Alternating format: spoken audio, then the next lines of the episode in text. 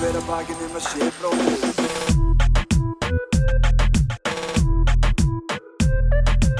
Fyrir hver að bakinn um að sé bróðir eigi.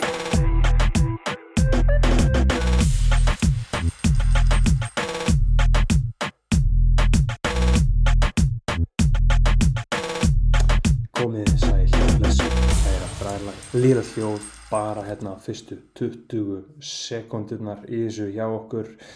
Örstuð kynning, uh, Patreon, þið eru inn á Patreon, þið þekki þetta upplæstur, það eru þeir sem að stiðja okkur, þeir sem eru að representa þetta shit og keira þetta shit í gang, eru Hrútur X, Alexander Edvard, Andrea Diljá, Edvinsdóttir, Arnaldur Breki Kjartansson, Benedikt Bjarnason, Björgvin Helgi, Brynjar Guðmundsson, Erik Ólaf Petró, Geoffrey Huntington Williams, Hjörtur Páll Hjartar, Hálfdán Svensson, Sindri Kampan, X Nonni X, Úlfur X Nostradamus Lifir, uh, Úlfur Árnason og Ari Helgason. Takk, takk, takk, takk, takk, takk, takk. Þið veitum við kunnum að fákinn meta þetta shit. Takk fyrir, takk fyrir, takk fyrir. Síðan er það styrkjakongurinn okkar eini sannig Stefán Daði er í 107 dollurum á mánuði.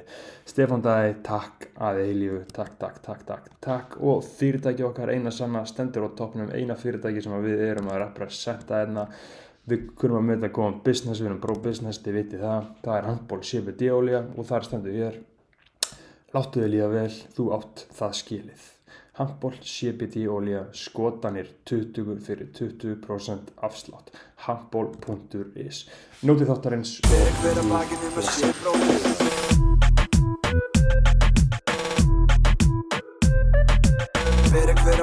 að sé bróðir eigi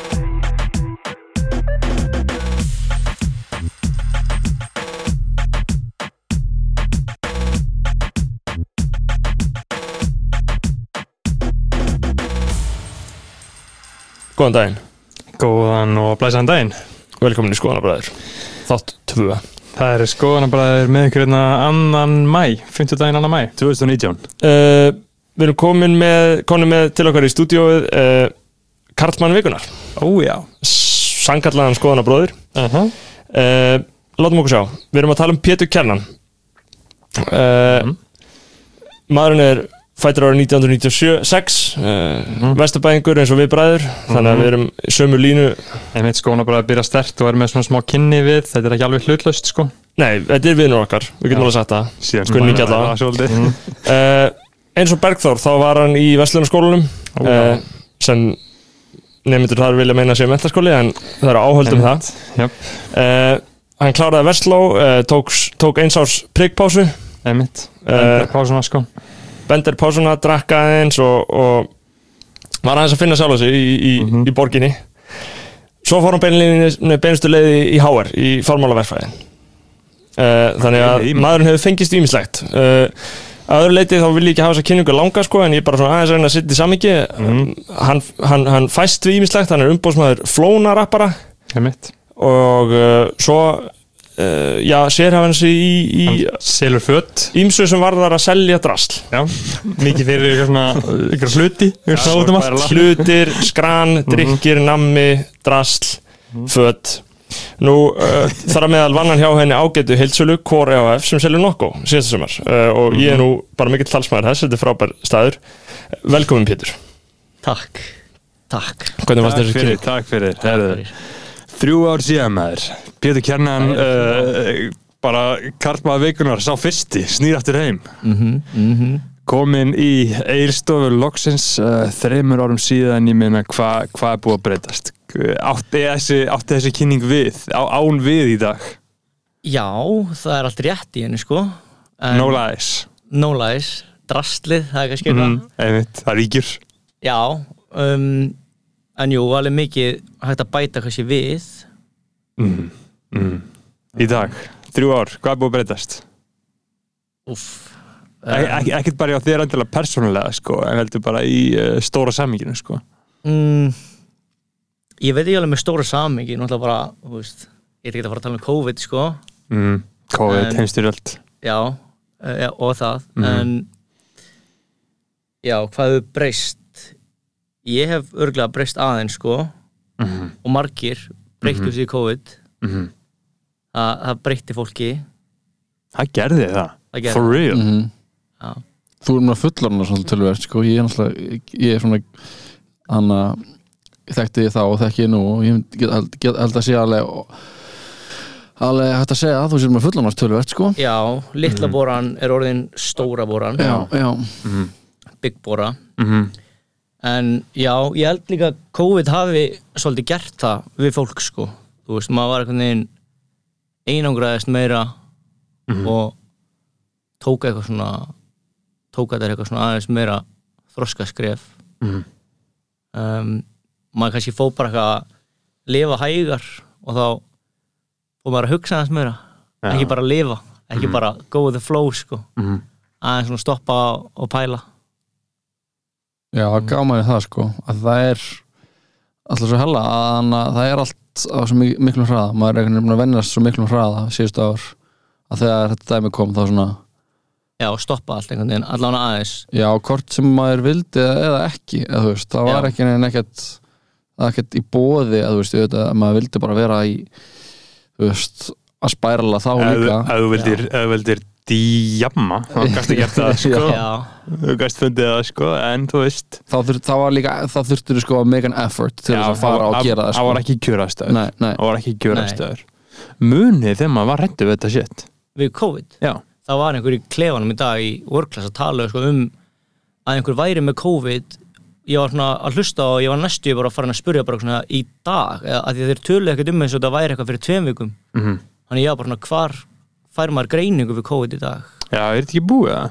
nei, þetta náttúrulega bara hefur aldrei verið meira þetta Já, er bara þetta er ennþá í bókstaflega gangi. úti Já. um allt Já, núna, en einmitt. það er þannig að alltaf bara pointið að þetta Mhm. sé bara út um Já, allt já. já, maður let the body sit the floor Já, en þegar maður- þeir það- töluðu um þetta þá sem að hugsa ég bara svona vá, COVID er búið Já. þegar mér fann skrítið að heyra og tala um þetta mér finnst það smá erfitt sko uh, að díla við allt árætti lífsins aftur sko já, mér finnst það smá erfitt sko já, já, það Þú er veist, það það er allt í einu allt óbyrð til 4.30 já, og það er allt komið á full speed sko. já, það er það Kvíða, kvíða síminn að fucking á miljón inn, Ring, í, ring, ring. inn í líkamanum á manni Já. sko. uh, mér, finnst, ég, ég, mér finnst það mjög erfitt sko. En það er smá bara, þú veist, það er gaman en líka, einmitt, eitthvað svolítið skrítið að allt sé fara á stað þegar maður er vanur í núna að vera bara eitthvað svona, þú veist, Já, mér, ma, ma, ekki kannski með mikið á, á disknum, sko. maður er búin að aðlast mjög Já. vel sko. Já ég, Við erum að taka með þátt núna hvað á þannig að miðgudaginn 9. Mars, og hann kemur út föstudaginn uh, 12. aha, 11. aha. Ég er að DJ-a á prikinu Let's go. í kvöld Já, maður, let's go Til Fucking 4:30. Pull up, Nice. pull up Ég treysti því að, hann að bræðarlæði róti sjá sig sko. Bræðarlega læti sjá sig Ég verð uh, fyrir norðan, ég var á Akureyri. Hvað Ok. er það að gera þar? Ég er að fara að vera með pop-up verslun Mm á Akureyri. Nice. Þú, erðin, þú, hana, þú hefur náttúrulega alltaf verið svona young entrepreneur Ungur, ungur, ungur átarnumæður Já. Mhm. og hann og uh, hefur ábygglega þú hefur tekið svona þitt stærsta skref til þessa í þinni aðtöfna mennsku núna í vittinu já, Nei. í vitinu, jú, metasport já. Þá loksins fekk maður einmitt svona smá tíma til að Ég valdi að lifa bara svona svolítið í fimmtækir á autopilot, eitthvað bara fara í gegn lífið eins og það er Mhm.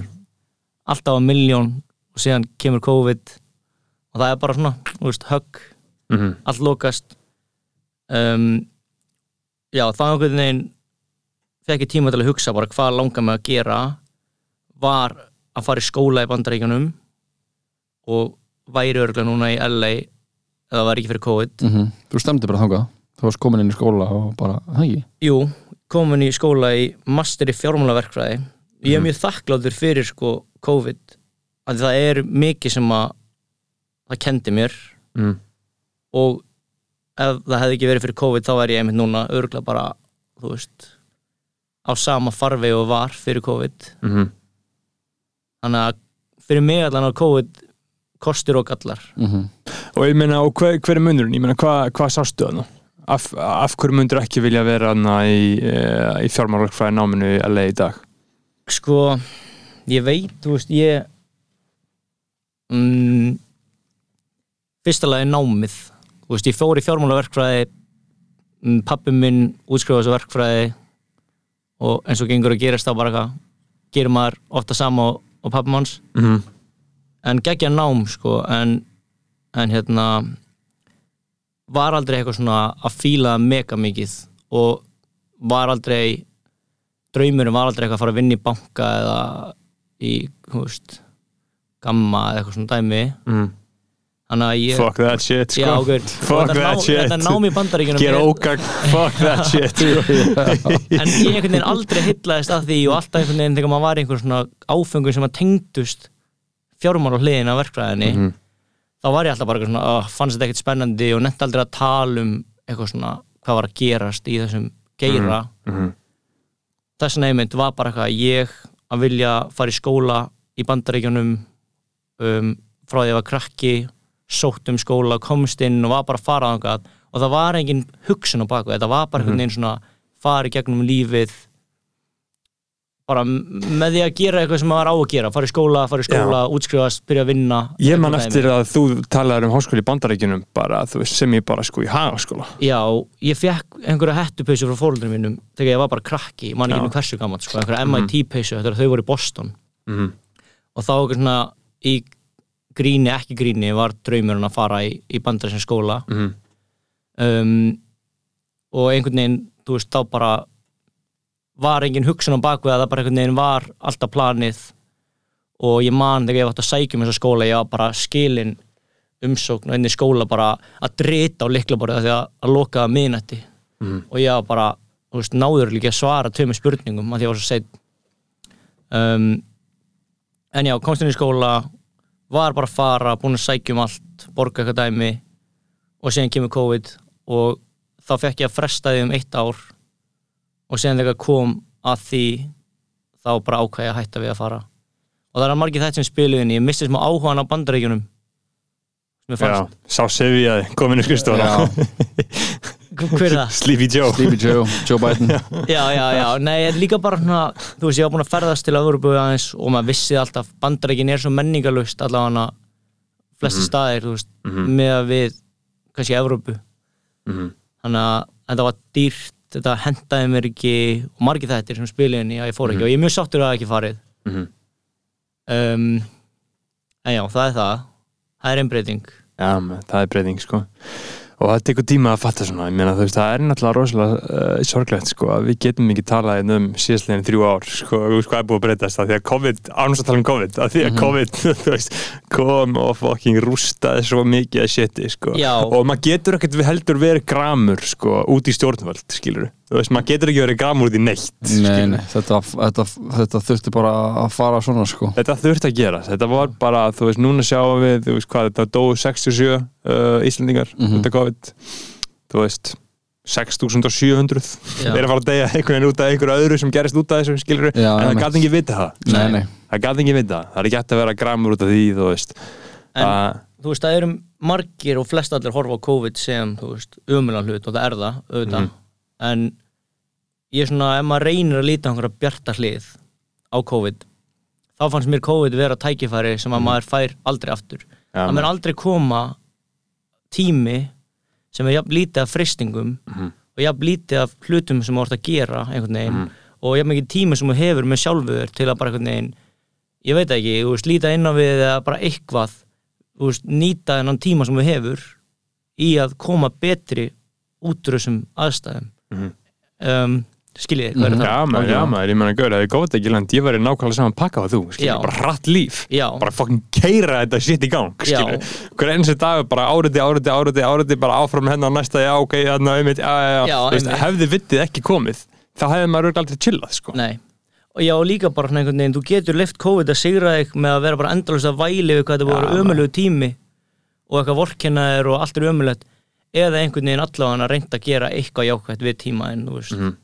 mér, sko, ég COVID er búið að vera í gangi, ég er ekkert með að chilla neitt sko Nei. Luti í hvað er, kannski bara því að bara að lenda akkur þannig að ég var ekki að mikið að gigga eða eitthvað og bara maður komin yfir eitthvað anna, bara annars konar, þú veist, vinnurútinu en ég, jú, kannski jú, maður er alltaf búin að chilla, maður var Mhm. miklu meira heim á kvöldinu og eitthvað Já, en, þetta ekki, mér finnst ég ekkert Nei, það er kannski mismandi fyrir fólk sko en Já, allavega ég, veist, þið þekktu mig alveg, ef þið þekki mig hvernig ég var fyrir COVID, þú veist, það var bara Já, það þú var væri, bara alltaf eitthvað þú að væri gera. bara með sko æðarleg með fucking Nokko Miami. Já, bara- þú væri- Ég væri- þú væri komið Alzheimer sko. Já, Nei, en ég finn það alveg núna sko, þú veist, ég var bara eitthvað nýlega greindu með bara einhvern aðtiklisbrest Mhm. sem að kannski kemur ekkert öðrum á óvart. Ég einhvern veginn hef aldrei pælt í aðalega bara út af ég svona, fannst það ekkert hafa það mikil áhrif á, á lífið mitt frá minni hlið. Að þú Síðan þegar maður pælir í- og Já, og við eitthvað gekk við í skóla og þú veist Já. líka aðtiklisbrestur er alveg stundum jákvæður. Um, en það er meira kannski aðrir tók eftir og ég ekki. Ég held að það var að því ég er með svo mikið aðtiklisbrest að ég gati ekki einhvern veginn fatta sjálfur Einmitt. að ég var stundum bara alltaf að grípa fram með fólki eða man ekki nöfnið þeirra eða bara, þú veist, horfi ekki að þeir að tala eða líti út fyrir að vera sko að lappi burtu meðan þeir eru að segja mig sögu eða eitthvað svona dæmi. Þannig að, þú veist, það er svo góður einleikar sko. Nei, þú veist, það- ég held að það hafi verið þannig eiginlega að ég var svona- svolítið utan með mig alltaf. Ég- ég- I believe it sko. Kynkti hlutum endalust Mhm. og, eitthvað svona, og gera það ennþá í dag. Mhm. um, en maður er orðin meðvitaður um það allavega. Já, maður. Maður er orðin meðvitaður um það. Mhm. Já, við gerum vandan, fyrsta skriðið sko. Já, það er fyrsta skrið, skrifið, það er sko. fyrsta skrið fyrsta skriðið sko. Já maður, þrjú ár, þrjú ár 2019 sko, þú veist, séum alltaf þú veist, sumari 2019, hausti 2019 það var önnur stemming, skilur það var hraði, það var, þú veist, stuð það var uh, einhvern veginn önnur stemming ég minna halda að við sem að fara aftur beint í það, núna? Nei, eða? það Þannig að hvað, það bara hann er rétt fyrir vitið. Já, bara, fyrir. bara, bara fullkomlega eðlilegt einhvern veginn líf uh, Sko, ég, ég væri gæð til í uh, að fólk myndi, eða þú veist, ég hefði verið svo mikið til í að fólk var eitthvað, herðu, kannski þurfur ekki að vera svona, þú veist. Já. Já, en, en, en, en saman tíma ertu með þrjá, þú veist, þrjá árganga af fólki sem einhvern veginn er búin að býða eftir því að fá að vera hellað uh, og síðan allir í kringu það bara, að þessu umöld, maður getur ekki verið hellaður, þú veist þá þannig að þá er það ekki fara að gerast að við séum einhvern veginn að fara að líta okkur næra því að þú veist, fólk kemur bara tvíalt tilbaka og maður er búin að sjá núna bara eitthvað slagsmál bara, maður er bara, það er bara í fréttunum bara að vídeo af vera að stinga gaur nýri bæ mm, og maður er bara að heyra endur þessu slagsmálum Já. og vopnaburði og, ja, og maður er eitthvað, já. skrújárnum. Já, við erum bara komin í bara bara svona medieval þannig að bara djam allt í hennu já maður, já maður, við erum bara komin í eitthvað Shakespeare stöf já sko. sem í sko eitthvað sem hann var að sjá þetta guttum hjá maður, sko. þetta er svona, maður er allt í hennu farin að vera svona smá af því ég, þannig að bara eitthvað ég, ég hef alltaf dyrka sko að vera einnir í bæ þú veist, að fara með einhverjum sem bara svona bara dyrka að fara og labba mitt í stað og vera svona smá bara einhvern veginn þú veist að ég er með aðtilspress líka sko og, hana, og, og, bara tjekka stemmingunni já, og bara, mm. ég, ég bara ég fíla svona áriti, bara eitthvað svona að leifa öll að vera í kaos og ég er bara eitthvað chill, þú veist. Uh, en núna er maður alveg bara svona að þú veist, maður getur ekki ekki verið með þetta um að það sé bara eitthvað lið með vopn í bæ veist, og það er bara úslega óþægri tilhugsun. Það er svolítið breyting sko. Já. en Uh, þú veist persónulega, þegar ég finnir í bæ ég pæl ekki að því að ég einhvern veginn mig, ég trúi því að ég muni aldrei koma mér í þar aðstæður að einhver máða fokkar ætlar að stinga mig í baki skilur Já, ég held að ég mun ekkert koma meir í þar aðstæður heldur nei, sko. nei, nei. Veist, auðvitað finnst mér að styrla að fólk sé veist, nota hnífanir í bæ Já, og þú veist, bara það, er, hræðilegt það er sko. bara svona það er bara svona kosmísk, ég er aðalega að tala um þetta svona, svona kosmísku, svona orkulu orkulega Já, breytingin já, sem já, hefur í já. för með sér Já. að þessi orka síðana, þú veist en ég er alveg búin að taka eftir því núna á jamminu þetta er miklu meira freaky, eða þú veist, það er allir bara fokka sér upp, Mhm. en ég held að það sé náttúrulega bara tímabil núna þú veist, Sko- bara make sense að bara alveg go out Já, síðan er þetta líka bara uh, röggrétt þróun sko, að við erum minna, í þessu svo kallega stríði gegn auðvöluðum, sko, þetta tengist svona allt bara fíknabræðsölu, þessi vopn sko, annars væri þið ekkit annað, þú veist, það væri ekkit gaurar bara eitthvað með vopn á sig bara til að meiða einhvern veginn einhverju, auðvitað er eitthvað svona saglust en ég held að þessi flest allt tengist uh, fíknabræðsölu og það er í rauninni bara helsta kenningin uh, í þeim fræðum að við höldum áfram minna í stríði gegn auðvöluðum í staðin fyrir að löglega þetta bara, þú, þú, þú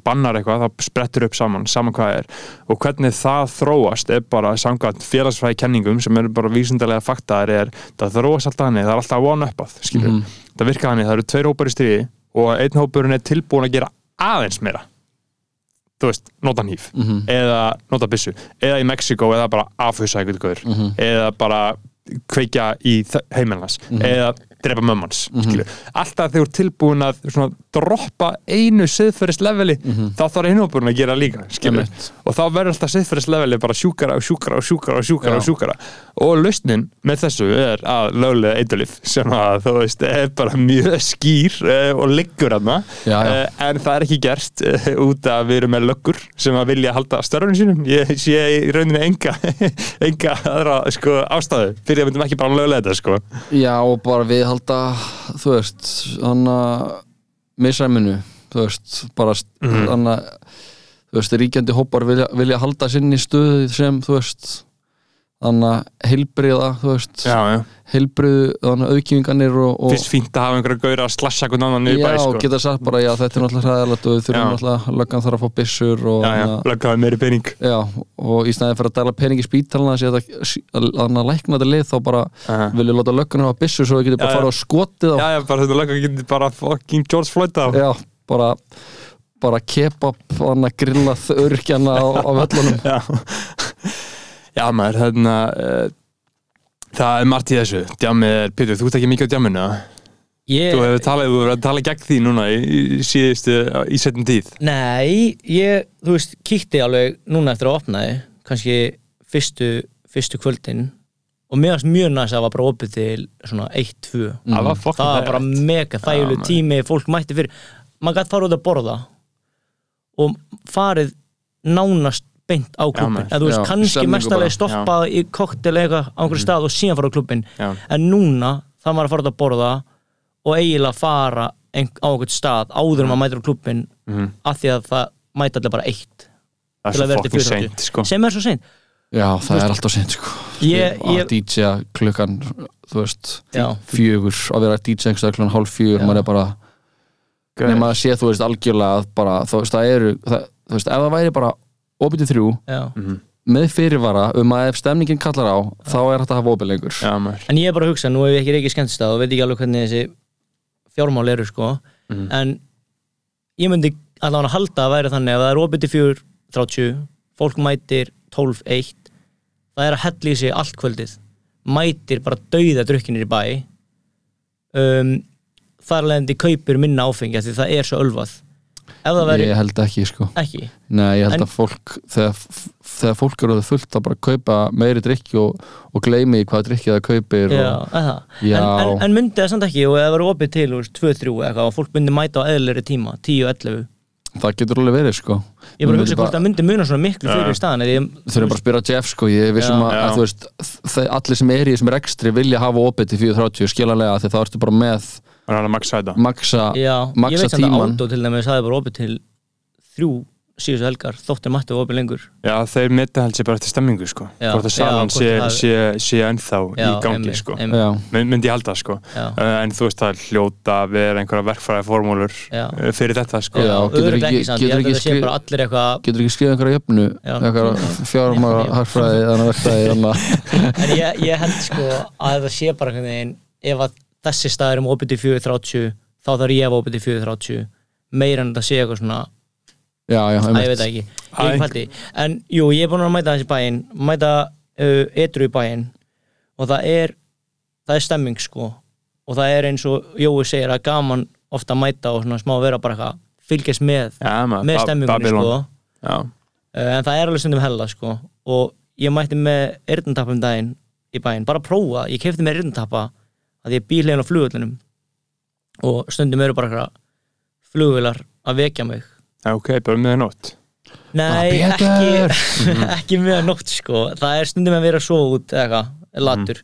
Veist, þá er morgunflug, ég veit ekki. Ja. 7-8, Mhm. eitthvað svo leiðis Og ég bara var að verslanetinu og kefti mig bara eyrntappa og síðan var ég einhvern veginn leiðin á jammi og sá eyrntappana og læknirinn minn var búin að segja við mig eitthvað svona að því mér finnst ég vera með svona, svona jamþól, hvað heitir það, eitthvað svona social um, er ekki eitthvað svona dæmi sem voru með eitthvað svona veist, social orku, mm það rennur út þá bara svona, langar ég bara að fara skilur, Já, bara mingar ekki meir. Og ég stundum fæ þannig að ég bara svona, oh my god, bara ég megi ekki verið en ég verið að fara. Uh, og hann sagði með að við svona hvernig ég lísti mér og eitthvað, þá talaði hann um að, að margmenni, þrengsl, háfaði hiti og svona. Mhm. Færi svona smá ill í mig. Þannig ég greip eirindamana með mér og var með á og mér var það geggjað, það var svo næst Heyrðu minna í tónlistina? Þú heyrir þú veist, þú heyrir alveg í tónlistinni og ef það er gott lag, þá ertu bara eitthvað næs þú skilur, getur alveg dansað.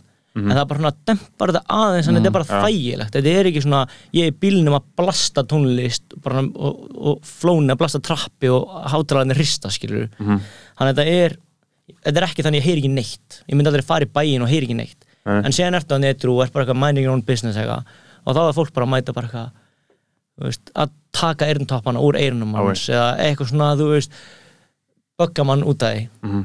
það er svona hlutur sem að fyrra með stundum Þú er, Og- það, það er gengið á því að því að þú ert alltaf líka í svo fínu fötum Þú ert baggar út af því það kemur fyrir já Að þú ert drippin. að koma þér bara Já. og eru trippin á borunni og vanlega er mér alveg sama sko en um daginn lendi ég alveg hana harkalega í því sko Mm.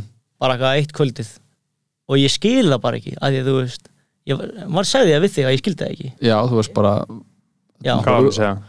Nei, bara, þú veist ég var bara í einhverjum jakka Mhm. á jammunu eins og maður gerir Mhm. og það var allir bara eitthvað úúúú, jakki, jakki og bara svona það mikið af fólki, ég fór bara að hugsa svona ætli aðri lendi jafn mikið í þessu og ég Þú veist, af hverju af hverju að maður böggaði svona mikið með að vera í einhverjum jakka þú veist, uh, þú er munið það sko að þegar fólk uh, er að dæma einhvern annan sko þá er það, um leið og er að gera sko þá er að fá einu pásna sem það fær frá því að dæma sjálfa sig það er bara, það er bara að gefa sér break já, þú veist, já, það er það er, það Það er alltaf bara sko. mismunandi árið hvernig fólk kvær, þú veist Já. Fólk bakka þig að því þú ert alltaf bara í bara eitthvað einhverjum merkjaveru fötum og ert bara eitthvað Einu sinni. illa nettur að því, þú veist Já, einu sinni, gamla bóran Já, já, já, Nýja einu bóran orðin meira Já, sophisticated hún er, Já, hún er, hún er í góðu er key Spending money wisely. Já, og, og merkjaveru það sem er ekki merkja á líka sko. Já, og en síðan ef þú, fer með þú veist, ég verið með hana, bara hitt patta og bassa og binna nýr bæ þú veist, áriðið sem þeir fá er bara Ó, ég ótrúlegt. Ég get ekki ímyndið mér. Geta þið fara neyri bæja uh, en ég- elska þeir þetta ekki smá það? Nei, það elskar þetta enginn Nei, ok Þú veist, Þetta er bara skelving fyrir alla Ég get ímyndið mér að líka bara einhverju gilsarar Já, já, bara, bara, bara all- allir. bara eitthvað fullana kettlingar alveg Já. bara niður í allar yngstu krakkarna, þú Já. veist, þetta er bara allur skalinn af liðinu, mm. að þeir eru bara það vita allir hverju þeir eru, að þeir bara þú veist, eru bara með lúk sem engin annar er með, þú Já, veist og, og mena, þetta hefur verið bara, þú veist þetta er bara um leið og það er komið eitthvað svona anna public perception, þú veist, af þér þá anna, er, er komið skotfærið og, anna, og Ég hef myndi oft hugsa hvernig það er að vera bara einhver svona, þú veist bara Byrnir eða Flóni eða Aron eða eitthvað svona einhver, Mhm. og vera nýri bæja því að þú veist, þeir eru örugglega bara að það er svo mikið, þú veist, fólk er svo fullt nýri bæ og það einhvern veginn leifir sér bara eitthvað að, þú veist byrja bara, ég veit ekki, segja bara eitthvað við mann svona. Mhm. og og já, Meina, Kurt Cobain Skoð sig. Út af þessu það Já, það veist, út af en hann hataði fræðið Út af vandamálum sem fylgja því. Já, var en hann hataði fræðið bara til að byrja með ekki, áður en hann varð, eða þú veist Skuna kannski ofinbellega en ég held að einst inni hann vantarlega fíla það að fá samþykki fólks sko. já, já, já, Já, já. en hann glorifæði það ekki skilur Já, nei, og hann hataði menninguna í kringum þetta. Já, og já. hann gerði mjög mikið til þess að þú veist, afvegalega og þú veist, og og, og og fólks bara eins og að vera bara mikinn kynvisla að vera í kjólum og svona til þess að Mm. það var mjög pólitísku líka sko ég sá bara að Batman karakterin í var byggður á honum Já, þú veist, Mér fannst það ein- eina góða Batman-myndina var Something in the Way lagið sko. það var það, það, var gegg, það, var geggjuð það var góð nótgun sko. í hvað aðrið koma það er bara, uh, Tveimur atriðum held ég já, það var hann by- byrjun og í byrjuninni. lokin sko. já, ok. Þannig, en þú veist, það er líka bara anna, og nú, þegar ég maður var upp á sitt mest poppin í rappinu þú veist, ég, ég er með ógeðslega mikið tólarins fyrir svona byllir sko, Já. og ég get alveg bara og það get, er líka alveg gaman þegar fólk er að koma og sína ástöðurinn og já, svona er að auðvitað. þakka fyrir eitthvað tót sem maður, Mm. þú veist þegar maður hefur haft eitthvað jákvæð áhrif og, og anna, en síðan er líka bara hefur líka bara þú veist, ferða bara yfir ákveð, eitthvað ákveð stig eftir hversu, hversu fólk, fullt fólk er og líka hversu bara, hvernig hlustum það er með. Já, fólk er bara eitthvað gauður sem alltaf komið upp með hei, við heit, ég heiti Jóhann líka. Og bara, að, helgi eftir helgi eftir helgi hei, ég heiti Jóhann líka. Og ég ekkert maður bara eitthvað gauður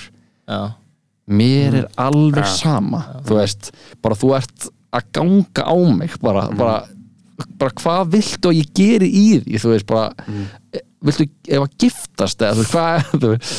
En já, mér finnst, mér finnst sko þú veist ég er ekki leiðilegur en mér langar aldrei að vera leiðilegur mér langar- langar aldrei að vera vondur eða leiðilegur þannig að þú veist, ef maður kannski er nýr í bæ og einhver er að tala og maður svona þú veist, er bara eitthvað, já, já, ekki, skilur mm Mhm. þú veist, bara, já, okkur, kann að meta gaman, gaman að heyri, gaman að tala og eitthvað svona. En síðan sem heldur fólk áfram og áfram og áfram. Mhm. og ég á einhvern veginn svo örð með að segja bara eitthvað, gaur, það er, mjög, það, það er ekkert að því að segja það bara heyrðu, anna, bara heyrðu, takk fyrir þetta bara gegja, en við bara anna, að tala í, í, í anna, ma, ég, ég, ég, maður gerir það er, það er bara besta tryggið. Já. herru, eh, get ekki tala núna, já, senda message á morgun. já, um senda message á morgun. Gera það, ég svara á morgun, get ekki tala núna. En, Gera en, en annars er bærin, þú veist, hann er bara stemming, það er alltaf gaman, sérstaklega núna, þú veist, það er ógæslega gaman að hitta bara fullt af fólki sem maður ekki hitt bara í ógæslega langa tíma. já, það er það sko. Veist, Já, að bærin er alls ekki, það er alls ekki bara neikvæmt að fara bæinn, sko, bærin fær stamp of approval frá Peter frá Kjernan borunni. Já, já, borunni. já. Uh, og þetta er auðvitað, ég meina fólk elskar þetta þetta er bara æðislegt Mhm. og rosalega gaman sko. hvernig haldið þetta myndi að vera ef að sko, áfengi væri ekki svona rosalega djúft í íslenskri menningu ef við værum ekki með bara kynnslóðar uh, sársauka í okkur og værum að nota þetta meðal forfæðurna í þetta Já, hvernig haldið að þetta myndi vera? það væri bara sveppa til á barnum. Já, það væri bara sveppa þig á barnum Já. og þú veist og um- jafnvel að fólk væri bara svona semi-edru skilur hvernig það er potið til samfélag bara einhvers staðar í Mongóliu eða Kazakstan eða eitthvað svona miða Asíu skilur það það sem þau það er það sem er bara djam en þau er ekkit endilega þetta snýst ekki um áfengi eins og það er uh, á me- Íslandi. Mér finnst það bara eins og bara í, að vera í Kólumbíu og eitthvað svona, þá finnst mér að strax já, snúast um miklu meiri bara eitthvað svona samveru, samveru og svona eitthvað neginn svona eitthvað svona sam sameiginlega upplöfun, þú veist, Já. dansinn og svona eitthvað neginn tengslinn frekar en eitthvað annað einmitt. það Þannig eru mjög margir sem tala um að Íslandingar séu með mjög svona toxic samband við áfengi og jam með við aðra þjóðir. Mhm. Ég veit ekki með önnu Norðurlönd en svona eins og kannski ekki maður er í London þá sé maður bara fólk fyrir eftir vinnu á pubin, fæ sér bjór og þetta snýst svona aðeins meira um að spjalla. Þetta er meira bara svona socialisa, hafa gaman og síðan fyrir fólk bara heim á eðlum tíma. Já, það er samt sko bara að það er, ég fór á djami í Manchester og þar er bara leið dött áfengistöða bara eitthvað kjalla bara um kjól sem ég sá bara liggjandi bara út á gangstétt já, potið túristi. Nei, nei, nei. Nei, ég er tjóka. En þú veist, það er er þetta svona binge, drinking kallað en, þá, en þá byrjar allan að fyrir og þú ert, þá ertu allan að döðu bara klukkan 11 þú veist já, maður. Við erum Ekki náttúrulega- 4:30. Ekki 4.30, við erum alltaf með rosalega en, þú veist, það er bara engin menning fyrir áfengis neysluðina þú hefur aldrei drukkið áfengi? Nei. Þú er smakkað það Já. Já, prófa að jamma eða bara smakka áfengi ekki, ég hef aldrei eitthvað vera- ég, ég hef fundið á mér, þú veist Já. og væri semi-fullur einu sinni Já. en ekki á djammi, þú veist, ég var bara að borða Þú, og í þú, útlöndum. þú við ekki drukkið átta Tuborg Classic og þrjú skot Nei. uh, og einn gin and tonic Nei. Hvað er langt sinni að þú hættir að drekka? uh, þrjú halvt ár, cirka Vá, ok, já, Þú drekkur alveg Nei, uh, just, jú, Já. ég tek oft tímabil. Já. Ég hef aldrei verið eitthvað svona geð mikið fyrir áfengi. Nei, En ég tek alveg jam tímabil og þau eru ofta stannið að þú veist, þá jamma í einhver tíma og síðan verður bara hættið að drekka geð lengi Mhm. og síðan jamma aftur. Þú veist, núna er ekki múin að drekka í hálft ára eða eitthvað. Mhm, og mér líður svona smá eins og þetta sé pásan sem að mun aldrei enda. Já, já. Já maður. Þú veist, ég, velkomin, Já, takk. velkomin.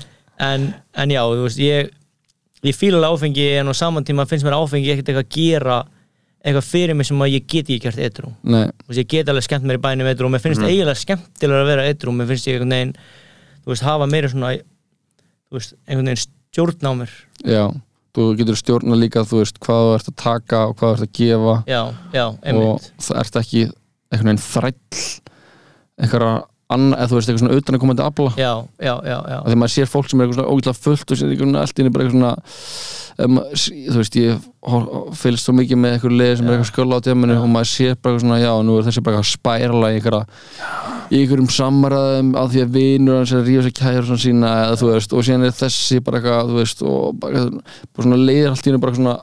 og bara, bara svona leiðir allt í hennu bara svona er orðið eins og svona börn. Já, Já, ég skal segja ykkur það að ég hef rannsakað þetta núna eftir að ég hætti. Og fór aðeins að uh, rannsaka sko hvað ég er að neyta mér um og bara uh, af hverju ég gera það sem ég geri. Og hef síðastliðið svona eitt og hálft ár hugsað rosa mikið um áfengi og spurt menn sem hafa að drekka og bara svona djúpa AA menn uh, sem að bara hafa skoðanir á þessu, hafa insýn og sjá þetta. Og niðurstaðan er alltaf þessi, er að áfengi er ekki nema lí Já. það gerir ekki stakan hlut fyrir. Og ef þú heldur að gera eitthvað fyrir þá er það lí. Þetta er bara niðurstað sem að ég hef komist að og ég get sagt ykkur hérna í örugu umhverfi. Ég er ekki að fara lappin á mega reyð að segja ykkur á náttúruminn skoður um þetta skilur, þú veist. Eh, þetta er bara uh, niðurstað frá mínum rannsóknum sem ég hef komist að. Mm þetta er næst stærsta lí bara mannkinn sögunar Já. sem að er áfengi veist, Það- það, það, er þannig, ég er bara búin að fakta þetta. Já, þetta er fakta hér, ég er stóð Já, Það er- meðgudaginn 9. mars klukkan 9. mars. Nýjum myndir nýju 909 Já, maður. Eitt sem á að tala um og svona hugsa um einmitt af hverju drekkur áfengi og svona. Já, það er feit pæling sko. Já maður. Ég er núna snuðum byrjar að hugsa um af hverju ég gerir sem á hluti veist, af hverju maður er með sumar, já, sumar venjur eða þú veist, eitthvað uh, já, bara hlutinni sem maður gerir. Að það er oftar en ekki einhver svona ástæða Mhm. á bakviða og maður samt ekki vera alltaf mikið að pæla í öllu sem maður gerir en Jú, það er stundum gott að vera meðvitaður um af hverju þú ert með Já, sumar maður. kækja venjur eða eitthvað Og horfast í augu við og ekki vera fucking þú veist, Já. lúser og Já, aumingi já, og, og forðast. og, og viktima þess að sjálfa þig Já. og fara að vorkjana Gaur, ég Já. vorkendi sjálfa mér í fucking 25 ár Já. skilur, bara ah já ah, þetta er Já. svo erfitt, já ég er svo þunglindur svona, ah já En- ég á svo erfitt um þetta ah, Já, ég þarf að gera þetta, gaur, fucking hættu þessu, ég er komin í bara svona ég er allan akkurat núna í dag 9. mars, Já. þá er ég komin í bara, gaur, fucking hættu þessu, fucking væri já, Fara Það er frá! já. Já, já maður, fara frá en það er líka ég veit ekki, þú veist, það er enginn að fara það er enginn að býja þér, það er enginn að fara að bjarga þér. Veist, þetta er bara í þínum höndum að gera þetta, þú veist, þú getur auðvitað að fengið hjálp við einhverjum vandamál sem þú ert með eitthvað.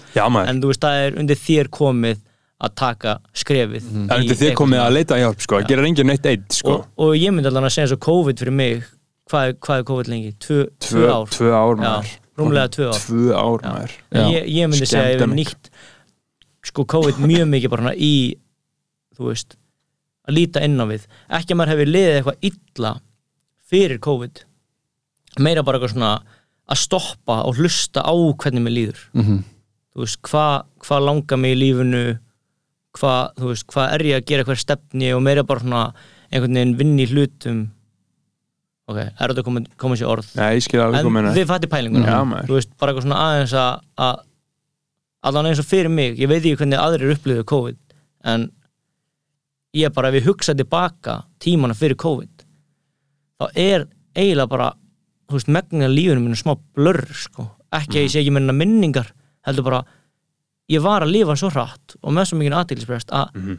þú veist ég lifið ekki í núinu eða fortíðin eða framtíðin, ég bara eitthvað þú veist, ég var, skilur og bara eitthvað, gerði bara það sem að gerðist í dag, Mhm. einhvern veginn. Og bara alltaf á miljón, þú veist, ég var alltaf En þú varst Sem alltaf, varst alltaf- alltaf með plön Þú varst alltaf já, með ég var alltaf með plön, já. En þú veist, þú varst með plön með fimm mismunandi gaur já, það er einmitt sem ég ætla að segja. Ég var alltaf bara svona tróða kannski þú veist, sjósundi inn þegar ég átti að vera mættur eftir hálftíma einhvert annað eða eitthvað svona. Og þú veist, var alltaf bara lifandi í einhver svona svona tíma stressi. Það vera alltaf ro- alltaf setn og setn og setn og setn ég byrja að meta mjög mikið núna að mæta réttum tíma. Ég fór í infrared jóka í gær og ég mætti alveg svona hálftíma, 40 minnum fyrr. Og ég tók ákvörun um að fara ekki með að bóði mat fyrir jókað Mhm. og ég tók ákvörun að mæta ekki að því að ég hugsaði ef ég fer þangað þá mun ég líklegast verið sem að rössi að fara Mhm. síðan á hinstæðin Mhm. þannig að maður er bara, maður er fann að læra Já, maður, auðvitað, auðvitað En þetta er náttúrulega mjög áhugavert sko, uh, coping mechanism, sko, að vera alltaf að gera plön sko, að vera alltaf, þurfa alltaf að hafa eitthvað alltaf fullkomlega fyrir stafni og þurfa Já. að gera þetta hann, hann, hann, ég held að það sé sko það er kvíða svona stjórnunar shit Já. já, nei, þetta er kvíða enginni það þurfa alltaf að vera með allt planað Mhm. og þetta er líka held ég eitthvað tengt aðeinsprest svona skipulags árátta Mhm. En það er líka kvíði. Já, þetta er kvíðið, þú veist, að reyna að hafa stjórn á, Já, veist, á aðstæðum. Já. því að vita hvað allir er að gera já, og þannig að þú getur þú já, bara því að óvissan er hræ, hræðumann skilur, Mhm. óvissan hræðumann og, og ég er alveg svona eiginlega hættur því. Ég samt einmitt oft þegar ég leggst á kottan á kvöldin þá finnst mér mjög fínt að kortleikja daginn minn á morgun. Ekkert eitthvað svona 10, 11, 12 heldur bara ok, á morgun þarf ég að gera þetta og það er best fyrir mig að gera þetta fyrirhátti eða eitthvað svona. Mhm. og það er það ekki bara frekar basic Það er basic Jú, það er bara mjög Jú, góður annað vanni Já, sko. þú veist, ég myndi ekki kannski er það kvíðengin, ég veit það ekki en ég myndi segja að Nei, það nei. bara frekar góð Nei, nei, veist, það er alveg að það er, bara, sko. það er bara flott sko. Já, en hitt sem að ég var með, þú veist, að vera bara alltaf Já, það var líka því að það bara svona að þú- heyrðir í manni og maður er eitthvað, ok, Pittur heyrir mér hann líka þessi eitthvað kvöld sem var maður eitthvað nei, ábyggilega ekki. Hann var bara að heyra í svona fimm öðrum. Nei, jú, já hversu slæmur var ég, Því, þú veist, ég, eins og ég segi veist, þá gerði þú- ég mér bara eiginlega ekki grein fyrir því hvernig það var að vera vinur það, það, það var alveg mjög trekt Já, ok. Það, veist, það hefur alltaf verið kingsitt að vera vinnur já, sko. en, en, en, en það var alltaf þetta að þú heyrir í manni og, en það, að því að þú veist, þegar ég segi eitthvað, heyri, ég er að koma Þá ég kem, það. þá gerir ég það. hann tók ekki alveg mark á það því sem þú sagði að sem er sökkað. Og þú veist pælið, ég pældi ekki henni ég bara, var það sjálfhverfur eða eitthvað, að ég bara gerði mér ekki henni grein fyrir að þú veist, mitt svona mitt orð var virði einskil það? Já, já, bara, já, já, þú veist, það er alltaf að koma en þú veist, ég myndi ekkert gera ráð fyrir skilur eitthvað svona. Um, ég veit ekki hvort það var að ég var stemningsmaður og var alltaf bara svona til það, uh, til það. Já, þetta er, þú veist, þú bara Anna, þú vil- vilt bara hafa það þú veist, það, það, það sem hendaði þér best hverju sinni, Já. þú veist það, og, var, og það er smá sjálfkvært sko. og ég er svona að reyna þú veist vinna í því aðeins. Já, að það er ekkert að því að vilja, vilja bara besta hundra staði, sko. Nei, en, en þú veist núna segi ég bara nei skilur, ég læt fólk vita Já. að ég ætla ekki að koma, að ég kemst ekki frekar en að, að segja alltaf að koma og koma sér ekki. Já. að því það er alltaf betra að segja bara straight up þú veist, Já, það er líka bara ekki, gæðið að segja nei. Ég, þá var áramótið hittum mitt fyrir nokkrum árum bara að segja mér að nei. og maður. þá var það bara svona í verka, verkefnadótið þegar eitthvað að beðum að gera eitthvað og þú veist, að því ég hef alltaf verið bara, já, mér langar að gera allt. Já, en eftir ég bara tamdi mér þetta var eitthvað já. uh, nei, þetta er ekki. Mm. en ég veit ekki sko, þú veist, ok kannski, þú veist, að því að ég mér persónulega finnst ég ekki vera sjálfhverfur um, en síðan gæti hegðun mín sagt annað þú veist, kannski, ok, meira ég vil meira meira í gamla dag, ég vil meira litla bóran, unga bóran, Mhm. var meira þannig. En einhvern veginn í hausnum mínum vildi ég alltaf bara vera eitthvað svona með öllum og góði við alla og þú veist, reyna að tróða eins miklu í gat já, já, til að geta einhvern veginn þóknast öllum ekki þóknast endilega öðrum heldur, mér langaði bara að hitta manneskinu Mhm. þannig ég var bara já til já já, yes, gerum Já. það mm. og pælingin á bakvið var þetta eitthvað svona já, ég er búin að leggjast yfir hlutina sem er sendur til bóða og þetta er best fyrir mig skilur, ég ætla að gera þetta í kvöld. Þetta var Nei, þú varst bara, bara, bara þú varst bara að reyna að, að, að þú veist, setja að þú veist, taka meir út en þú hafðir, já, hafðir já, inni veist. 100% og líka bara svona held ég bara að gleymi hlutum Já, já. Bara- bara, ég er kannski búin að lofa mér þetta og ég bara glemdi já, já, og það er eðlilegt. Já, en ég, ég er hann betri með tíma aðeins. Já, menn, þú ert alltaf að peka mig upp í gymmi sko. ég, ekki alltaf raun tíma, en þú veist Nei, en ég, ég, er alltaf sett líka sko, þannig að ég, þú veist maður þarf heldur ekki, maður þarf ekki að verða fullkomin, það eina Nei, sem, nei, nei, nei. eina sem þú veist, maður vill af vinnur sínum og fólki í kringum sig og bara er að, er að fólk sé að hann að bara vinna í sér og bæta já, sig vera og vera honest við sjálft sig fyrst og fremst já, sko. já, það er mikilvægast og þú ert það já, Já, já, og maður getur ekki verið að gera kröfur á fólk sko, veist, uh, eins og þú veist maður bara veit hvernig fólk er og þú veist hvernig mætir þessu, og ég veit alveg að þú mætir eitthvað nokkur mínúti miður, það skiptir engum máli. Já, þú veist, Skilur. 40 mínutum og seint Já, bara, uh, uh, skilur þið, þú veist oftast skiptir það ekki neina máli. Nei, þú veist lang oftast skiptir það ekki neina máli. Og að vera að pyrra sig á einhverjum smámunum og einhverju ruggli sem hún getur ekkert breytt já, það er bara ákvörðun líka sko, að Já, gera það. þú veist, í staðin fyrir að leifa hlutunum bara að vera eins og þeir eru sko. Mhm. það er eins og í öllu þá er uh, hver og einn það bara að finna þetta út hjá sjálfum sér sko. Veist það er það sko um, ég veit samt ekki, ef maður svona hugsa út í það þú veist, ámar eitthvað að vera eins og það sagði enginn eitt um mig í den, ekki að það þurfti eitthvað að segja eitthvað um mig skilur en þú, hef, er þú hefur ekki tekið marka á því þá sko. nei, ég hef bara ekki hlustað á ég það held ekki sko. en það ég bara held að það hefði ekki registrað því að þú sást þetta ekki sjálfur Já. sko. nei, já, já, svona stöf þarf alltaf að koma innanfrá sko. já, það er fakt það er fakt og það er að vera tilbúin til að taka móti einhvern upplýsingum af því að Já. þetta hefði verið bara eitthvað svona uh, já, ok, uh, ok eitthvað, já, Já. og, það, og síðan hefði bara rúlað áfram, þú veist Já. En ég er svona að hugsa, þú veist, maður, maður er kannski að sjá vini sinni í kringu sig, verður kannski að gera einhver hluti sem maður hugsar, þú veist, hann ætti ekki að vera að gera þetta. Þú veist, hann gæti sleppt að gera þetta og það myndi virka betur fyrir hann. Mhm. en maður er ekkert endilega að segja vinnu sinum þetta. Þú Nei, mm, og maður svona hugsa, þú veist, að ég veit ekki ef að ég væri kannski, einmitt, að gera einhver hluti sem aðri myndi ekki fíla og allir vinnu minni væri sammála, þá myndi ég alveg sem ég vilja, þeir myndi segja bara, eigur Já, slippin Já, já, og, og, og, og þegar hlutinir fara á þann punkt þá er já, það, já, já, er já, það já. já. og Það það, er er líka ógeðslega erfitt einhvern veginn, maður er bara að díla við shit shit skilur og þá er bara svona erfitt einhvern veginn að, að fara taka að sér eitthvað annað shit.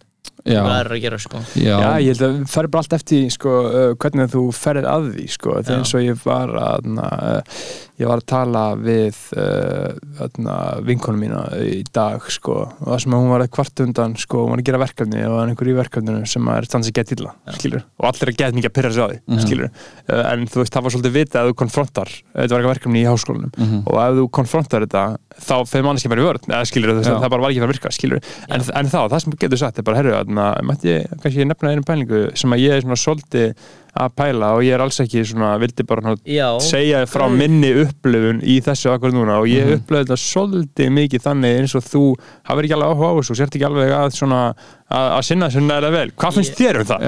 yes, Hvað finnst þér um so, þetta? um, uh, en já. Guðrún hún kendi mér einn mikilvægast hlut í heiminum sko Mhm. að kendi mér ekki, hún sagði Sálfræðingur. þerapisti já, Já, maður, ég fó bara til hennar í heldur 2-3 tíma og hún hefur örgulega kent mér þú veist, þessi lífsleksja var um, svona það sem hefur örgulega breytt nei, ok, ég ætla bara að segja. Hún sagði við mig, þú getur ekki breytt öðrum. Mhm. um, sem er hljómar ekkert eitthvað svona vá, geðið, skilur um, en ég einhvern veginn held ég var alltaf að reyna að breyta öðrum. Og, og mín pæling var alltaf að ég mér fannst ég alltaf að vera næs veist, eins og ég kannski sá hvernig rektinni og manneskjan var að lifta vittlust um, þú veist, beita uh, sér vittlust í einhver lift, liftu og ég fyrir til manneskjan og segja bara eitthvað hei, hérna eitthvað, þú ert ekki að gera þetta rétt eitthvað, prófa að gera þetta svona, að gera þetta svona eitthvað svona, Mhm. og þú veist hausinn minn segir damn, þú veist, þetta er auðvitað vant fyrir baki á honum, Mhm. ég verð að fara honum. Um, en ég er alltaf svona ráðast inn á kannski eitthvað svona og þetta er liðal dæmi uh, ég, ég byrjaði nýri vinnu og það var gaur að bakka í vinninni og ég var nýbúin að hlusta á bókina okkar, hætti að bakka, bara frelsaður lífið er geggjað, skilur lausu djöfulinn. Hann er með lumma á borðinu og ég er bara ekki sæll Pétur Gaur þú verður að hætta að bakka, Gaur ég lusta á bók, geggjuð, ég er bara með líður svo vel hættur að bakka. Og hann er bara eitthvað, þú veist, ég var ekkert að beða um að segja mér að hætta að bakka. fólk- fílar að ekki að þú færi að ég er bara ekki að sko. ráðast á hann nýbúin að kynast honum og þetta er sönn saga, skilur Mhm. en ég hugsa vá, ég er að fara að já kenna honum eitthvað geggja síkrit mann, hann er bara að hætta að bakka út af mér eitthvað Já, já. ég bara langaði að vera veist, Mhm. sína honum hvað er þetta Mhm, lífa vel á hans að bakka eitthvað svona mhm. en þá einmitt sagði hún að, að maður væri smá svona að ráðast en að fólk fengi smá svona wow, Mhm. það er bara vörd smá Mhm. Ég já, er já, ekkert vel í það auðvitað. allt eftir hvernig nálgast það eins og þú að segja, þá segir maður núna hei, þú veist, ef að þið langar einhvern veginn að hætta að bakka þá Mhm. er til bók sem ég get sendir ef að þið langar að hætta að bakka Þú veist, frekar en að segja, gaur, þú verður að hætta að bakka Já, og líka bara spura spurninga. Í staðan fyrir einmitt. að koma með judgmentið Já, þá spyrir þú, hvað finnst þér? já, Ég er svolítið, skinni þetta smá svona Já. hvað finnst þér? Þá ertu strax búin að uh, disarma vörnina já, sko. ég fatt að þetta ekki, ég var alltaf bara að halda að ég var að hjálpa fólki. Með að koma með einhver svona ráð þegar ég var bara að ráðast á það, það bara hataði mig fyrir það var bara og þessi gaur er svo fucking trefur sko. Já, þá er líka ábyrðin einhvern veginn, er þú eitthvað að taka eitthvað ábyrð á eitthvað sitti sem þú er ekkert þitt Já, ég veit það, þú veist, þú veist að að- ég er, þú veist, ég prófa marga hluti og ég gerir mikið hluti og sumir eru wave, Mhm. sumir hluti eru ekki wave, skilur Þannig að þegar ég veit að eitthvað er certified wave, þá er ég bara Já, að deila öldum, Já, ég ég, er það. bara að lappa um og það. ég deila öldum. Já, ég, ég hef líka rosalega mikið verið hann þú veist, ég er með þrend, skilur þú veist, ég er með að hætta tóbaki, ég er með að hætta sigur ég er með að byrja að microdósa, Já. skilur þú veist, ég er með þetta þrend en ég er bara búin að læra það á síðustu tveimur árum, skilur að ég brótsa þetta aldrei að fyrra bræði en ef að það er verið að tala um eitthvað svona einhver er svolítið, já, ég hef svona þá er ég bara, þá er ég komin í hann skilur, og þá er ég búin að segja gospelin, skilur og búin að láta vita og það er alls konar annað sem maður vill búa, þetta er rosa það er ekkert betra en að ná að segja einhverjum frá einhverju og það er bara fullkomlega hlusta á skilur, maður fær bara fullkomlega hlustun og fullkomlega aðtigli, Já. fullkomin tíma og það er bara að tekið mark á því og veist, og þetta er bara gott fyrir alla. Og síðan hitta manneskjuna setna og hún er actually búin að gera þetta og talar um hvað það var geggjað. Já.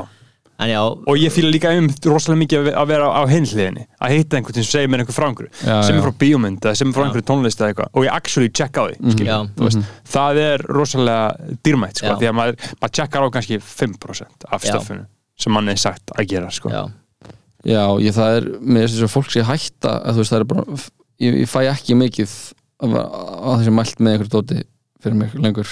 Nei, það er örfáur já, en er ekki bara svo lítið að frétta og veist, COVID er bara búið að vera einhvern Jú, veginn sen er ekki líka bara að horfa eða þú veist, horfa, eða þú veist, það er eitthvað aðalega kemur að það hækkar að horfa, þá er maður að horfa á, já, þú veist, 113 miljónir klukkutíma já, á nokkra Vikings Valhalla á einni helgi. já. Já, en það er gott að þegar ég pælir endri þá er ég mjög duglegur að sko deila mínum bóðskap hvað Mhm. mér finnst gaman og næs. Og síðan eitthvað aðrir segja mér eitthvað þá bara held ég að ég ger ekki neitt að þessu já. Succession, ég horfði á það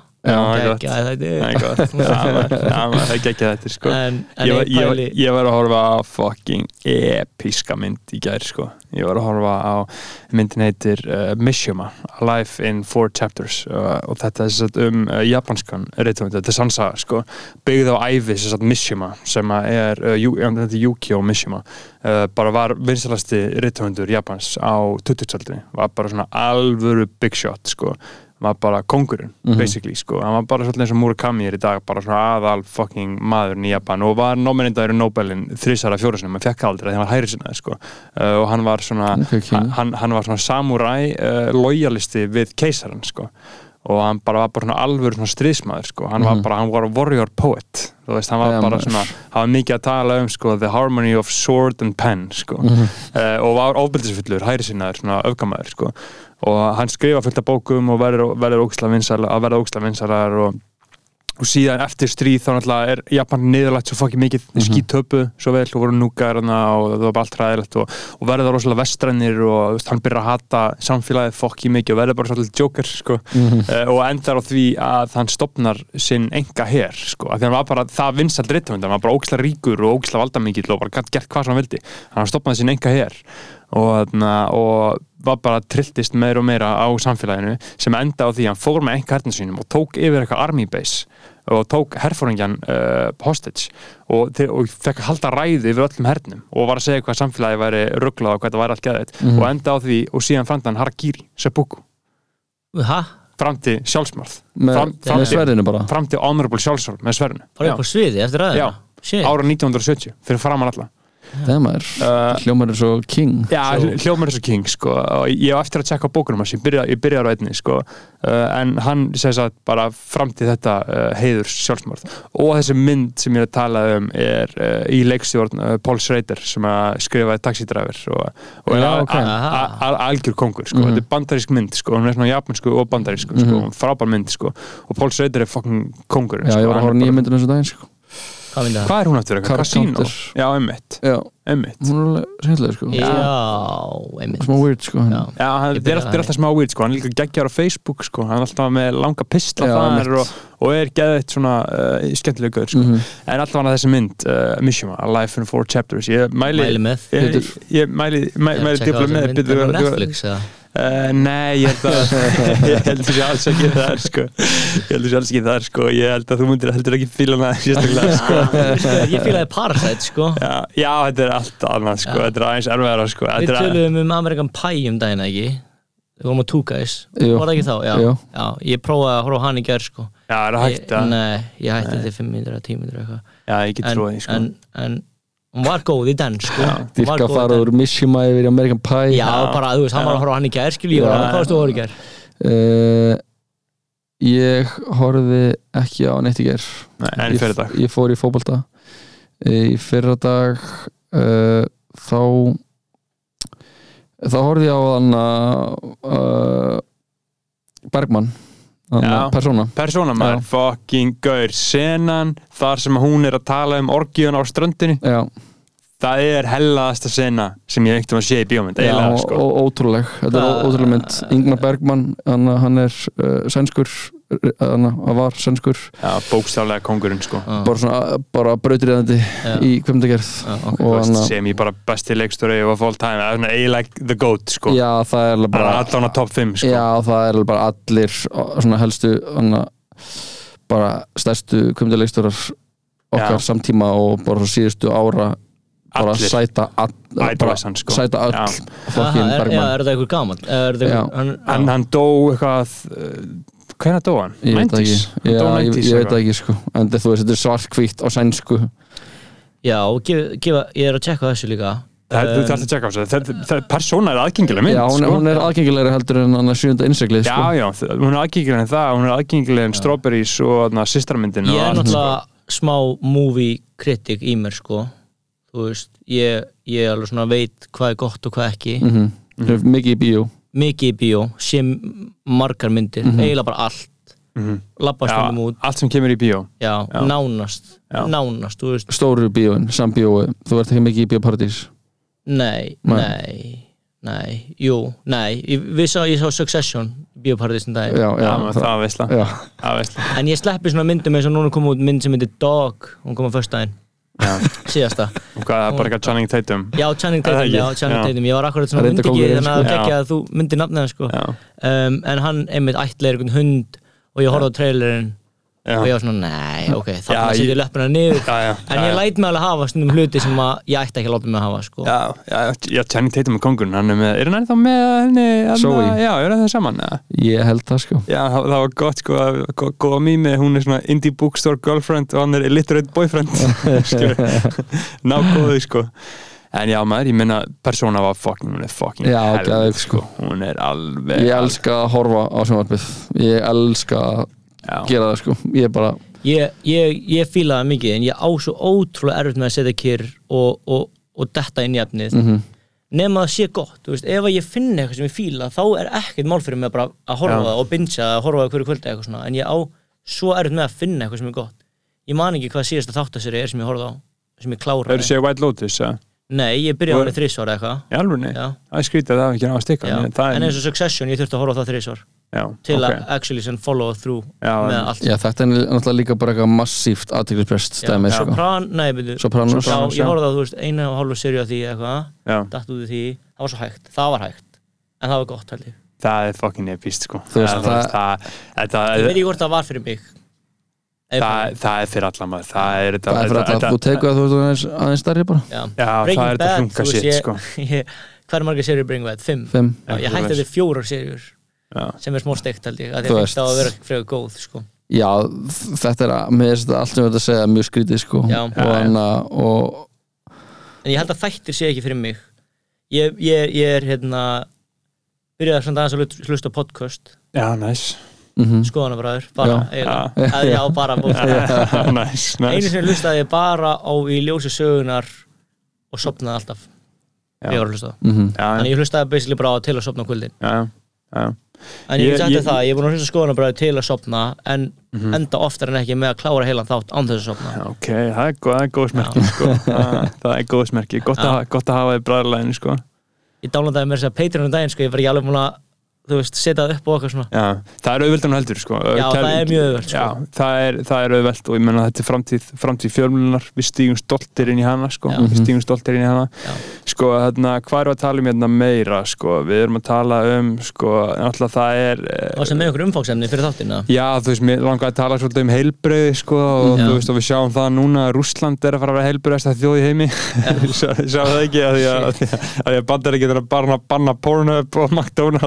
það. Coca-Cola Nei, það, þessi fyrirtæki er ekki að fara þannig að Jú, er McDonalds, McDonalds? eru búin að hætta Já, Coca-Cola þetta ræðst af fyrir sitt. Pornhub ætlar að banna þetta, skilur en þau eru bara að fara í hungusni er ekki búið að núna eitthvað að Eða skerða fara að á vera gett heilbreyð ég, ég var að lesa að væri núna búið eitthvað takmarka innkaup Já, bara að setja sanctions, bara viðskipta þvingandi viðskipta Já. bann, Já, viðskipta en ég er á að tala um, þetta þú veist, Rúsland er búið að takmarka innkaup bara, þú veist, samfélagsins. Bara hversu mikið má kaupa í matinn af því það er bara að fara að vera skortur, þau eru bara Já, en þau hafa þetta verið að búi, búi sér undir að, að þú veist Já, þannig bara að í, að panta fullt af einhverjum mat í podcastunum sem ég er búin að hlusta á þá er búið að vera að tala um að þau séu með þetta bunker economy þar sem þau eru un- undirbúin fyrir svona viðskiptaþinganir já, það, já, einmitt, Það er bara dósamat einmitt. og bara krypto og bara keira þetta gang. já og þannig að en þú veist, þetta er bara fullkomlega skellegt og síðan sem að vídeo frá Rúslandi það sem er bara verið að lappa upp á fólki bara að taka símana þeirra og bara skróla ekki um skilabóðin þeirra. Já, bara, bara eftir, hver, hvað ert að senda, hvað ert að senda bara hverjum ert að senda, hvað ert að segja þú veist, þetta er bara orðið bara fullkomið bara já. einræðis dæmi bara og, og Eru er það að fylgjast mikið með þessu? eða? Mm, ég er að followa hana síðu sem þetta Popular Front sem Já, er mjög góð. Já, og síðan er ég að followa einn úkranskan Hermann á Instagram. Já, já, já. og, hana, og síðan bara sér maður eitthvað þú veist, ég svona passa með að fylgjast ekki ómikið með að þetta er, þú veist, þetta er bara svo líjandi þú veist, þetta er bara, þetta er svo sorglegt þú veist, þetta er bara svo ömulegt og ég var bara horf, ég horf fréttina á hann, Alma horf alltaf á fréttina og bara sjá bara hópa fólki bara hundruði manns bara að flýja, bara einhvers veginn undir ykkur brú og bara hlaupa bara. En- út upp borginni þú veist, þetta er svo sorglegt líka ég sá eitthvað vídeo af hérna, einhver svona skriðdregum sem voru bara bensinlausir á meiri götu bara nokkrir í röð. Og það var einhver úkrænsku maður að keira og ætlaði að tala við á og þeirri sinni voru þú veist, rúsneskir Mhm. og sagði við á bara þú veist, hvert er það að fara skilur og þeir voru bara eitthvað þú veist, við vitum ekki henni hvert erum að fara veist, hvar, hva, hvað segja fréttunar, hvert eigum við að vera að fara? Mhm. og, og síðan er maður búin að heyra að, að þú veist, rúsneskir hermenn séu að leggja niður byssunar í Úkrænu bara því þeir vilja ekkert vera að drepa úkrænska já, það er bæði, þú veist, ég var að horfa á sjá eitthvað vídeo á hann að bara einhver, einhver ömmu bíl út að keira og kemur bara skriður ekki og sprengi Já, bílinn. ég sá það, það var endar hella Nei, ok, við erum að tala um vídeo af gamla kurðin sem að lifði þessin af? Nei, ég, ég var að horfa á eitthvað vídeo sem var fólk að kera eitthvað bíl og það sem ég lifið ekki af, þú Já, veist já. En Þetta er, er, er að er að það er að að, að, að þeim var sagt að þið var að fara í, í einhverja æfingabúðir og var síðan bara sendir til Úkrænu í stríð. Já, ég veit ekki, þú veist, það þetta er eitthvað svo það er, Já, er það er náttúrulega, þú veist, það er allt bara nú- núna upplýsingar, þú veist, og Já, maður veit ekki neitt, sko, Nei. the fuck of war, sko. Já, og það The er fuck bara of war, þess vegna skoði ég ekki neitt, sko. En þú veist, ég er einhvern veginn reynir bara að lega, ég er enda, sko þú veist, ég sé þetta poppar upp svona hér, hér og þar á Facebook hjá mér, Já, sko einmitt. norskur gauður sem ég spilaði World of Warcraft með, sko. Mhm. uh, hann fór síðan í norska herin uh, bara einhvern gauður sem ég var að spila WoW með sko, bara eitthvað 2011, 2012 sko. uh, og bara sé hann og til á Facebook ekki mikið, henni poppar hann upp og hann fór í norska herin, sko, mm Mhm. hann er eitthvað svona, uh, svona norskur, all, allt rætt her, gæði, Mhm. sko Uh, og hann er bara komin á fullt í það sko, að uh, keira sko, úkrænumenn í Norei Mhm. taka þá, sapna þeim saman og koma þeim heim til sín keira á yfir einhver landamæri hvernig keirur frá Noregi til Þú kert, skil getur kert til Finnlands og farið í, í, í þannig já, alltaf ekki takk í ferjuna, þú Eitthvað er sko, nei, hann- hann er bara- í Rússland landamæri Er hann Finnland þá að smala Jú, hermönnum saman? Rússland og landamæri Finnland sko. Já. Er hann að Gaur, smala hann er í einhverjum svaka business sko. Já. bara að taka alla úkrænumenn sem er í Noregi og koma þeim, af því að þeir eru bara frá heim að berjast Já. Já. Ég held líka að, hérna, var ekki hægt að skrá sig úr bandaríska hernum í norska herin eða í einhver svona sjálfbóðavinnu og þá máttur þú fara að berjast í Úkrænu að það eru- ekkert land senda sína hermenn. Nei, þeir eru búin að búa til bara svona foreign legion eins og frakkar eru með Já. bara svona útlíka hersveit. Já, sem að bara getur farið og Já. er ekki að reppa neitt country þeir eru bara að fara að berjast. Já, ég sá bara eitthvað mynd, basically ég er bara að hjálpa. Já, sá eitthvað mynda eitthvað bara eitthvað, svíi, bandaríkjamaður kandamaður já, og bara eitthvað, þú veist. Að að þetta er náttúrulega það er hellað Já, líka bara maður, maður spyr sér líka, þú veist, hvað, þú veist, ef það væri bara verið að, bara eitthvað lið sem væri bara að koma hingað og ætlaði bara að taka þetta land bara og bara jafna Reykjavík við, við, við bara jörð, bara hvað myndi maður gera? Myndi Já, maður, þú veist, ekki bara Þú vilja anna vernda, þú veist, Já. Jó, heimili maður, sitt? ég meina, þetta er stærsta spurning sem þú getur spurt þig sko, bara hvað þetta er bara eins og gömlu kommunistannir í gamla dag sko, sem voru bara að fara að gera blóðabildingu bara, hvað ertu tilbúin að deyja fyrir Mm -hmm. skilur, hvað ertu tilbúin til þess að raunverulega deyja fyrir skilur, Mhm. og það er þetta skilur, sömur eru tilbúinir að deyja þeir vita að þeir eru að fara í stríð til þess að deyja. Og það sem er ræðilega við stríð ég var að hlusta á Eckhart Tolle talaði um stríði sko, og hann var að tala um sko, að þetta er ekki bara einhverju síkopatar að drepa skilur þetta er venjulegt fólk já, að drepa hvort annað. Já. Þetta er fullkomlega venjulegt fólk. Við, frænd okkar, mm papp okkar Skilur, ég bara horfa á okkur og sá bara eitthvað vídeo hann að þrjár úkrænskar konur inn í einhvern bíl Já, bara gæla sem bara ég er, hún bara ég er kennari. Hjá mér en þú veist, ég verða að gera þetta. Ég verða það, bara þau eru að koma alltaf að taka landa ég verða að gera þetta. Og þetta, er svo mikið þvinguna því að ég bara trúi djúft á lögmálið, bara náttúrlögmálið það sem að þú gerir einhverjum öðrum það gera sjálfum í leiðinni, skilur, Já. þú drepa einhvern annan, þú drepa sjálfa þig, já, skilur Já, er það ekki nefn mutual mutual uh, mat, hvað er aftur? þú veist, Er það ég, kjarnorku, þetta er ekki sáttmáli þetta er svona, þú veist, þú ert að þú veist að þú ert að fara að nota kjarnorku Já. það ert að drepa sjálfa þig. Þetta er eitthvað svona uh, þetta er ekki sáttmáli, en þetta er bara, þú veist, þetta er ástæðan fyrir að enginn mun nota kjarnorku já, já, þegar já, ef þú hleypir að sprengju Já. þá ertu að drepa sjálfa þig, af því þú ert að fara að deyja. Mm Mhm. það er að fara að vera að svara með Já. sömu mynd. Mm Já, maður og kjarnorku setið til, sko, ég vil ekki eins og hugsa um það, sko, Nei. þú veist, greið, greið Oppenheimer, maður, Já, en það, ég hugsa að það muni aldrei vera þú veist, koma að því. Eða ekki, basic. Bro, þú veist, heimurinn er það hellaður, sko, ég ætla ekki Já. ég ætla ekki að segja heimurinn er alveg fokkt sko. heimurinn er það hellaður, sko, það er, já, þetta já, er, hann er, já, þú veist það er líka bara Putin er bara komin þanga, hann er bara orðin algjörlega það er líka verið að tala um að hann sé bara eitthvað með krabba minn, sé hún veikur og sé I'm bara a long COVID, já, sé orðin bara eitthvað svona algjörlega þú veist, hann sé bara eitthvað acting out þú veist, og sé bara tilbúin að taka bara heiminn með sér af því að hann er, já, maður, ég meina, hann er með hugmynd, hann er með hugmynd sem hann er tilbúin að deyja fyrir, já, en það er líka, þú veist, hann er ekkert að deyja, hann er satt orðin eitthvað svona frekar skrýtni framan, sko hann er búin að fara í fokk mikið að líta að gerum, sko, uh, ég Hann er veit búinn ekki að vera- hvað þetta sé lítið að gera hvort þetta sé bara eitthvað bólgur eða eitthvað, hann er eitthvað skrítin í framan ég sá sko. eitthvað eftir ég byrjaði að fá áhuga á lítaagerðum Já, sko, já. svona hvernig frækt fólk og bara ríkt fólk fer í það bara bæjokkar Já. skilur, þau sem vantilega fer bara lítaagerð Mhm. skilur, og þetta er svolítið sko svona Berlusconi Trump effekt sko Mhm. báði Berlusconi og Trump að vera fullt af lítaagerð Já, já. veist og Putin, svona, allt í henni var, var komið pressa á alheims leiðtóa sko að í rauninni gera þetta sko. Ég vil sérstaklega, sérstaklega líka Macron og þú veist, þetta Sleepy er ekkert í þessu sko Nei, hvað segir Petur?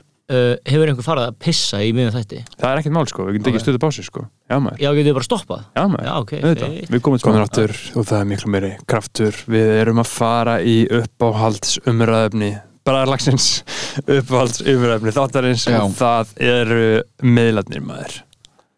Miðlarnir sjálfur miðlanir Hvað finnst ykkur? Það er búið að stela aðtiklun okkar. Það segir menn. Mm já, Við erum ekki ábyrg fyrir þessu Ég var út í, í Ítalíu uh, og sé mikið að fjölskyldum ferðast uh, og ég sá eina fjölskyldu bara svona mjög eðlileg bara svona, svona feitlægin hjón og fjóri krakkar. Þau voru litlir, voru að skoða eitthvað túristastöf og fóröldarnir voru báðir niður soknir í símana -hmm. og börnir voru bara hlaupnum um allt og ég sá bara og ég hugsaði bara með mér hvað er búið að gera þessu fólki? Greið þetta fólk. Já, greið, þetta er ekki þeim að kenna þau ber ekki ábyrð á þessu? Með mig, ekki fekar en oxy-fíklanir byrja Nei. ábyrða á því að þessu háð oxy. Nei, ég hugsaði bara oh my god, að, ég- og ég fylgdist með þeim alveg í svona kannski einu og hálfa mínútu. -hmm. og fólöldarnir voru bara niðursoknir uh, í síman og börnin eitthvað hlaupandi út um allt eitthvað, einhverju svona heli og þau voru alltaf svona, sjáðu í svona tvær sekundur og síðan svona einhvern veginn fara aftur Mhm. mm Mhm. og það var, það var sorglega sjón sko, uh, og ég hugsaði bara this is what they took from you. Já, það er búið að Já. stela þessu. Já þú varst náttúrulega þú varst einn af okkar, okkar með svona prominent áhriföldum já, eða já, Já. ég myndi þú segja varst það alveg að auðlýsa shit endalist Já, ekki? það- nei, að það er Sko, alltaf þannig ég myndi segja að í bara svona tiers þú veist, það eru svona tier af áhriföldum og þegar Já. þú varst upp á þitt besta já, þá varst það í top tier af því að þú ert, varst með þú veist uh, þetta áhrif að valda ting þú veist, þessar, þú veist, að vinna með bröndunum sem þú veist, voru heit já, sem voru heit Já. og þú veist, já, fólk vildi þú veist, associate sig við eða nokkuð dæmi og hann Já. þú veist, þú varst á nokkuð hömmurnum ég, oh my god, faldi ég var á nokku hömmur maður. á ég gerði á Já, gulum nokku hömmur svolítið hellað oh sko. það er svo klikkað. Ég var bara að gleyma nokku Já, hömmur maður. já, Oh þetta er bara þannig að þú bara leifði þér að gleyma því og ég skil það mjög vel sko. Já. respect. En það var ekki eitthvað svona viljandi að glemma því, þú veist, það fyndi ég bara ekki búin að hugsa það lengi. En jú, það var gó góðu tími, sko, guli kar karnival hömmerinn Karnival hömmurinn karnival hömmerinn um, en síðan hættir þú Já, svo hætti ég. Um, já, áhrifavalda dæmið. Ég svona einhvern veginn leit aldrei á mig sem áhrifavald sem er kannski ekki rétt eða hvað, Þú varst definitely var ég að auðlýsa mikið? Mér fannst ég ekki að vera að auðlýsa mikið. Já, þú, mikið, þú varst allan bara að selja ímynd þína til Já. einhverja fyrirtækja Já, og já. ljúga að, að fylgjendum. Það, það, það er það sem áhrif alltaf að gera það er ljúga skilur já, þú varst pushing P. Já, ég var samt alltaf þú veist, dreifa góðum bóskap á þeim tíma. Já, já. þú veist, nokkuð var þú veist, næs, skilur á þeim tíma. Menn- síðan fyrir maður að, þú veist, þetta er svo sígaretur kom út, fattur og það er alltaf bara eitthvað sígaretur eru shitið, skilur. Síðan fer fólk aðeins að líta hvað er í sígaretum og þá er það ekki eitthvað shitið, skilur. Já, já. þannig að ég vil alveg meina að ég hef alltaf verið kannski að auðlýsa hluti sem að ég trúði á. Já, já, þú varst aldrei, með eitt slæman ásynning, ég er ekki að segja það nei, nei, nei, Nei, ég veit er ég er ekki að segja það. En, en þegar ég var upp á já, á þessum Og tíma. varst sannur, þú varst sannur sjálfur já, já, já, 100% en það, það er, ég ætlaði meira að segja að ég leit á mig sem svona mér fannst ég reyna að fara aðeins ekstra leið í auglýsingunum mínum eða sinna gera þær einhvern veginn aðeins áhugaverðari eða meira inn í lífum mitt en það væri bara svona straight up Já, þess vegna að segja að þú hafi verið, þú veist, in the top tier. Já, af því að það fólk gerir þetta ekkert. Fólk gerir þetta ekki lengur. Ég hendi stundum bara í sketsa sko. Já, Já. sumir ég, maður sér þetta alls ekki lengur. Já, nei, þetta er ekki gert lengur. Nei, nú er þetta bara, heyrðu, sjá allt drasl sem ég fekk í dag. Já, það er ekkert meira. Já, bara, hana, bara ég er alltaf með loðin pung þannig að ég kemur með pung sköfuna og nú er ég alltaf með hana, sléttan Skafa pung Já, og bara sléttur þessu egg og maður er ekki að kaupa pung rakvélina, þú veist. Já, um, já áhrifaldi tíminn það var, það var fýtt tími á þeim tíma. Já, já, Þetta er kvót, þetta er kvót á ból sko. já, já. áhrif að þetta tíma fyrir tími á þeim tíma sko. ég, En það er ég kaupi það. Það er einhvern veginn bara svona gerðist þú veist, ég Þetta veit var ekki eðlileg þróun ha, Þetta var bara eðlileg þróun, þú varst bara réttum maður á réttum stað Já, þetta var bara, þetta var bara anna, hef alltaf verið einhvern veginn svona tækifæri sækin en ég veit ekki hvenar einhvern veginn svona shifta hefur ég að verða einhvern áhrifavaldur. Og ég einhvern veginn horfði aldrei á mig sem einhvern áhrifavaldur, ég var bara að fá eitthvað frítt sitt og einu sem ég verði að gera var bara að hendi eitthvað story. Mm og mér langaði stundum að gera eitthvað annað en bara henda því story og það er bara að gerðist þannig. -hmm. um, en já, svo liðu þeir dagar um, liðu dagsins ljós, segir maður það? En þá, þá er þeir að byrja sko. Og, og hvernig endar hluti? Um sjá sitt síðasta Sung- sungu sitt síðasta. síðasta, síðasta, lók já. já, ég er alltaf svona hálfpartinn með með hérna málsættuna Já, Eða orðatiltækin. orðatiltekin já. mhm. Um, já, ok, ég- síðan hætti ég já, ég hætti einhvern tímann. Fyrst tók ég held ég pásu og byrjaði aftur Mhm. og svo hætti ég endanlega og og ég hætti sko það sem að ég tók mest eftir í að breyttist ég hérna þegar maður er áhrifavaldur þá það er mjög neikvætt til svona, það er mjög neikvætt hugtak Mhm. þú veist, fólk einhvern veginn, veist það er ekki gaman að vera áhrifavaldur það hefur kost og galla Já, já. hefur kost og galla Já, sko. það er, það er mikið svona neikvæð hlæsla já, mikið Já. neikulegsla og það er einhvern veginn alltaf þú veist, þú kannski ert að gera eitthvað ferð út á, út á hérna, land eða eitthvað og ert að gista á hóteli, Mhm, gista á Æslandir hóteli. Ég gerði það einu sinni, eitt sömar mhm, fór ég eitthvað svona smá ringfyrir um landi og gisti frít og eðl, mér myndi finnast eðlileg samskipti vera jú, gaur, hvernig var þetta landi, var ekki bara freka feitt eða? Mhm.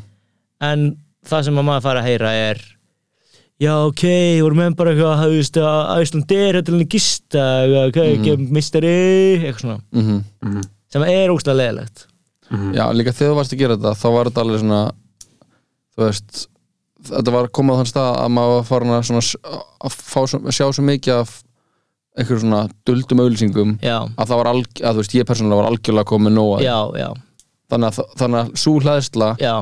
yfirfæris bara á þann sem stendur maður næst sem er að gera það já, já, já. Ég, ég var ekki endilega, ég man ekki, þú veist ég man bara svona, svona eru samskiptin ekkert endilega þú veist, frá eitthvað ykkur eða vinum, þetta er bara svona hvern einasta manni sem maður Mhm. hittir, maður mætir bara á æfingu í workclass, mhm. hittir maður kunningja sem myndi kannski segja var gaman á landi, Mhm, en í staðin segir hann þetta skilur, mhm, og þetta var svona einu sinni hafði þetta engin áhrif á mig að því var bara svona, já maður veist, ég var á landi, mhm, það var gaman. Og bara nálega sama, en sen einhvern veginn þú veist, byrjaði þetta meira og meira að fara í töðunar á mér. Og byrjaði líka að gema ekki að fara í töðunar að fólk var alltaf heldur að áhrifaldar séu alltaf við símanum sem það er kannski sumir sem eru eitthvað áhrifaldar alltaf við símanum. En, en það var alltaf verið að láta sem að væri endalus símanum bara þegar maður var eitthvað að auglýsa þegar allir eru alltaf í símanum. Og það var fullt af hlutum sem að spila inn í að ég bara langa að hætta og prófa að hætta. Og já. Ok. Um, ég veit ekki hvernig að fara veist, fara í alla þessa sögu. Um, þú bara hættir á, hættir á gramminu veist, það- Hætt á gramminu. í, í, í, vittinu í vittinu og til að byrja með var einhvern eitthvað svona pæling á bakveða mm. það var bara eitthvað, þú veist ég nefndi ekki einhvern veginn í COVID að vera sína frá, þú veist, ég hugsa að, að mínu fylgjendur voru að followa mig að því að, þú veist, maður var eitthvað svona gera einhvern skemmtilega hluti í lífinu og þú veist, eitthvað, sína frá einhvern skemmtilega hlutum en sen einhvern veginn kom COVID og þá nefndi ég ekki að vera bara eitthvað að sína frá COVID-lífi sem að enginn ennir að horfa á. Mm en ég hugsaði að ég get alveg bara tekið smá pásu og hætt, smá tíma sem að breytti sig bara í eiginlega endanlega pásu. -hmm. og það er bara frekar næs að vera, maður er einhvern veginn svona vanur því að vera alltaf að sína frá lífinu sinu og sína hvað maður er að gera og svona. Og náttúrulega bara á mínu forsendum þú veist það var enginn að láta mig gera en þetta er svona semi-kostnæður sem þú þarft að, að gera til að fá þessa þessi perks Já, sem er maður fær. price you pay for the games you play. Já, einmitt. Ja. um, þannig að einhvern veginn þegar maður hætti og eitti þessum forriti þá einhvern veginn fóð maður bara svona smá að fíla að vera bara ég bara einhvern veginn hætti að nota síman Mhm. ég við ekki, ég var alveg mikið í símanum bara eins og allir skilur, og var alveg bara svona kannski út að borða í símanum og símanum og símanum. Og þegar maður hættir alveg þá tegur maður meira eftir hvað einmitt, eins og við talar um í Ítali bara hvað allir eru í símanum alltaf. Óaði hvort það séu áhrifaldar eða ekki þá eru þeir bara alltaf í símanum. Mhm. og maður einhvern veginn sá þetta bara frá annari hlið maður er svona inn í svona smá búblu. Hugsaður uh, þegar þú hættir að þú værir að missa einhverju að því að veist, það hugsa allir þegar vilja hætta á Instagram Já. og þá hugsa allir ég missi þetta, þetta, þetta, þetta, þetta, þetta, þetta Uh, þetta gæti gerst fyrir mig þannig að Já. ég ætla að halda þessu opnu og allir geta að hugsa alls konar svona uh, rökréttingar já, þú veist einhvern veginn COVID fyrir mig var mjög skrítið tímabil, þú veist, ég fann ekki fyrir áhrifum COVID fyrir bara svona í lokin af COVID, af því að ég var akkurat þegar COVID var að byrja þá, þú veist, veikti sér geð mikið og COVID var alveg bara smá blessing fyrir mig til að byrja með.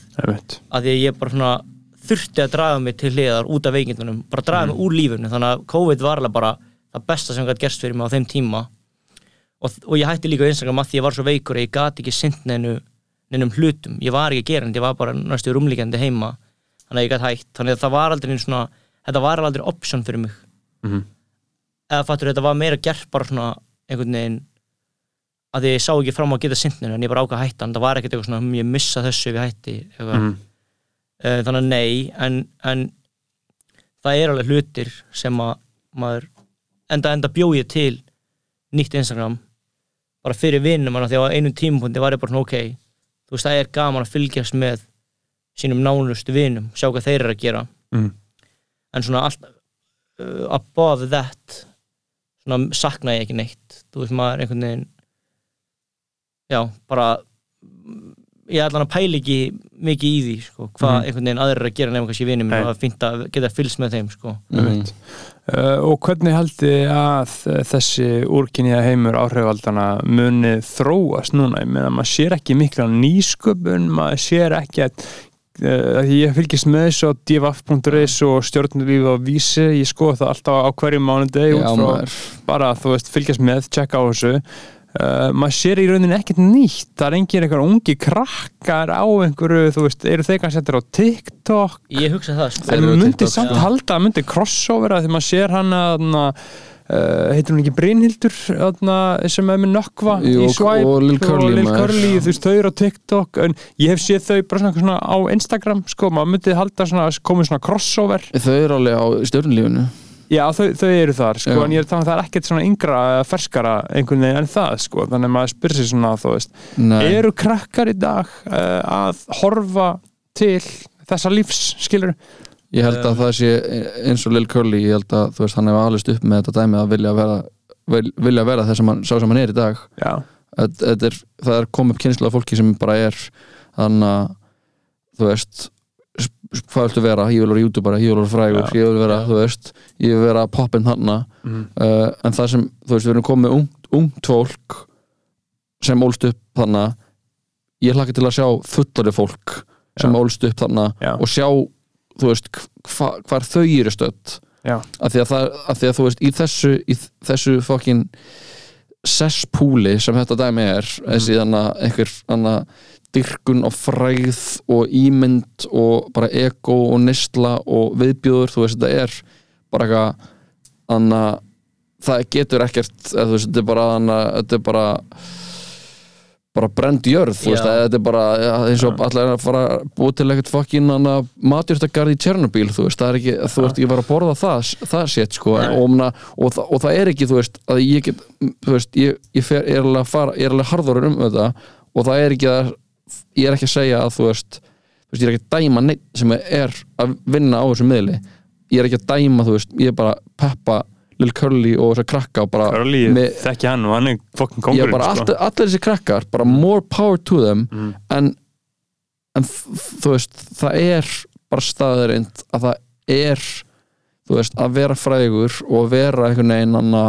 þú veist, að milli tannafólki að vera einhvern veginn ofinbi fígura þú veist, þetta er ótrúlega short term dæmi og, og þú veist, það sem eru séð bara af þú veist, þannig að popkultur í bandaríkjunum og Byrjallandi, það sem þetta, þetta dæmi er, hefur verið hvað hávarast er að það long term effect er bara depression. Crash and burn. En, en eitt sko sem að ég get sagt er að þetta er smá blindandi sko. Þú, veist, þetta, þú ert í smá búblu mm þegar þú ert áhrifavaldur. Um, að þú, þú kannski fattar ekki alveg um, þú veist, þetta er bara einhvern veginn þú, þú farð, ef þið listir í eitthvað þá getur þú fengið oftast frýtt já, og þetta er bara einhvern veginn, þú, þú verður svo vanur og blindur að því, þú veist, Já. mér fannst skrítið að borga fyrir mat af því að Einmitt. ég bara einhvern veginn var farin að fá allt sem ég gerði veist föt, mat drikki, æfing gistingar já, þú segir. Já. en þú varst ekki að fá þetta Já, ég, ég veit að ég, ég var að fá það fyrir og, og þetta er líka uh, alltaf getur fengið allt þetta þetta er partur af uh, stæstu líi mannkynnsögunar það að það sem þú þráir sé að fara að gera eitthvað fyrir Já. að því að þú getur fengið allt sem að þú heldur mögulega að gera eitthvað fyrir þig en það Já. sem að raunverulega gerir eitthvað sjálfströst bara tengst Mhm. og bara ást og virðing og sjálfsvirðing þú Einmitt. getur ekki gert eitthvað að fyrir það Nei, sé ég veit það er ég- heilsæli að fara ég- að redda því er sko. ekki- ég er ekki að segja ég er ekki að rétta eitthvað shit ég er bara að tala Nei, um, nei, þú nei. veist, þegar ég hætti já, þá, þú veist, einmitt eins og ég er að segja, þá fannst maður, þú veist, ég veit að kostnaðurinn var einmitt að selja sálina mína basically, Já. fyrir ég er bara að selja þig já, selja bara mig Pétur fyrir Kjarnan svona, já. en þú veist, þegar maður er að bara eitthvað svona íta á at your story Mhm. þá er þetta engin kostnaður Nei, sem nei, maður nei. heldur, maður, Nei. heldur, maður sé bara alveg sama en, en jú, það er einn punktur sko En það sem er líka gátt þetta, sorry, er þú veist, að, þannig að þú varst bara eitthvað poppin áhrifaldur sem bara stýrur tilbaka og internetið fer svo, er á svo miklum hraða, þú veist, þú erum að fara svo marga kilometra klukkustund að þú veist, sinni bara komin nýr dagur og þá skiptir ekki máli hvað var í gær, Nei, Já. þú veist en, en, en það er sko kostur og galla því þá getur þú stýrt tilbaka og er bara eitthvað, já, já, heru, þannig að þú veist, ég er ekki lengur en að ég er þessu public eye. En, en það er alltaf eitthvað sem þú gafst. Já, það er alltaf eitthvað sem þú veist, þú gafst af þér sem þú veist, og, verð, og, og, og prísin var, þú veist eitthvað matur, eitthvað föt, eitthvað drast og, og það er eitthvað, þú veist ég held að það sé, að það sé er, er höggvið af einhverju sjálfsmynd, einhverju Já. dóti og það er eitthvað svona dót sem, sem þú veist, ég veit alveg að þú ert að þannig kemur þannig að kunni, er það hann bara örugur að þú getur alveg unni í þér og þú getur hann að end, þú veist, ég er ekki að segja að þú er eitthvað glata öll en þú veist, Nei. þú getur pústlaðið saman og getur fundið jafnvægi já, en, en, en það sem ég held er að það sé mikið af fólki sem einhvern veginn fer bara, ætla að fara inn í þetta shit og síðan bara eitthvað gengur það ekki, eða þú veist það, því cancelled, eða þú veist hvað, eða kemur eitthvað upp á og það einhvern veginn setju eftir og það einhvern veginn í- þú veist, þau er einhvern veginn að gefa sína sitt andlit og sitt nafn til eitthvað fyrirtækja og sína eitthvað, við erum ekki að vinna með þessum einstakling lengur, þá er maður bara eitthvað hver er ég, þú veist, bara eitthvað algjörð, bara eitthvað þú veist, En ég get ekki talað fyrir, þú veist, alla sem að eru áhrifavaldar. En bara ef ég segja svona frá, kannski, minni hlið Þá einmitt, einmitt er maður bara svona blindur fyrir því hvað verðmæti er og eitthvað svona líður um að sér getur bara fengið allt frítt og bara eitthvað svona, hei ok, þetta er næs, mér langar þetta, ég ætla að senda þeim með tölupóst og þú færð það. Mhm, um, og maður einhvern veginn heldur að að þetta sé svo mikið virði sem maður er að fá. Mhm, maður fær frítt rúmi, það er ekki að borga 150 skall fyrir fríða dínu mm -hmm.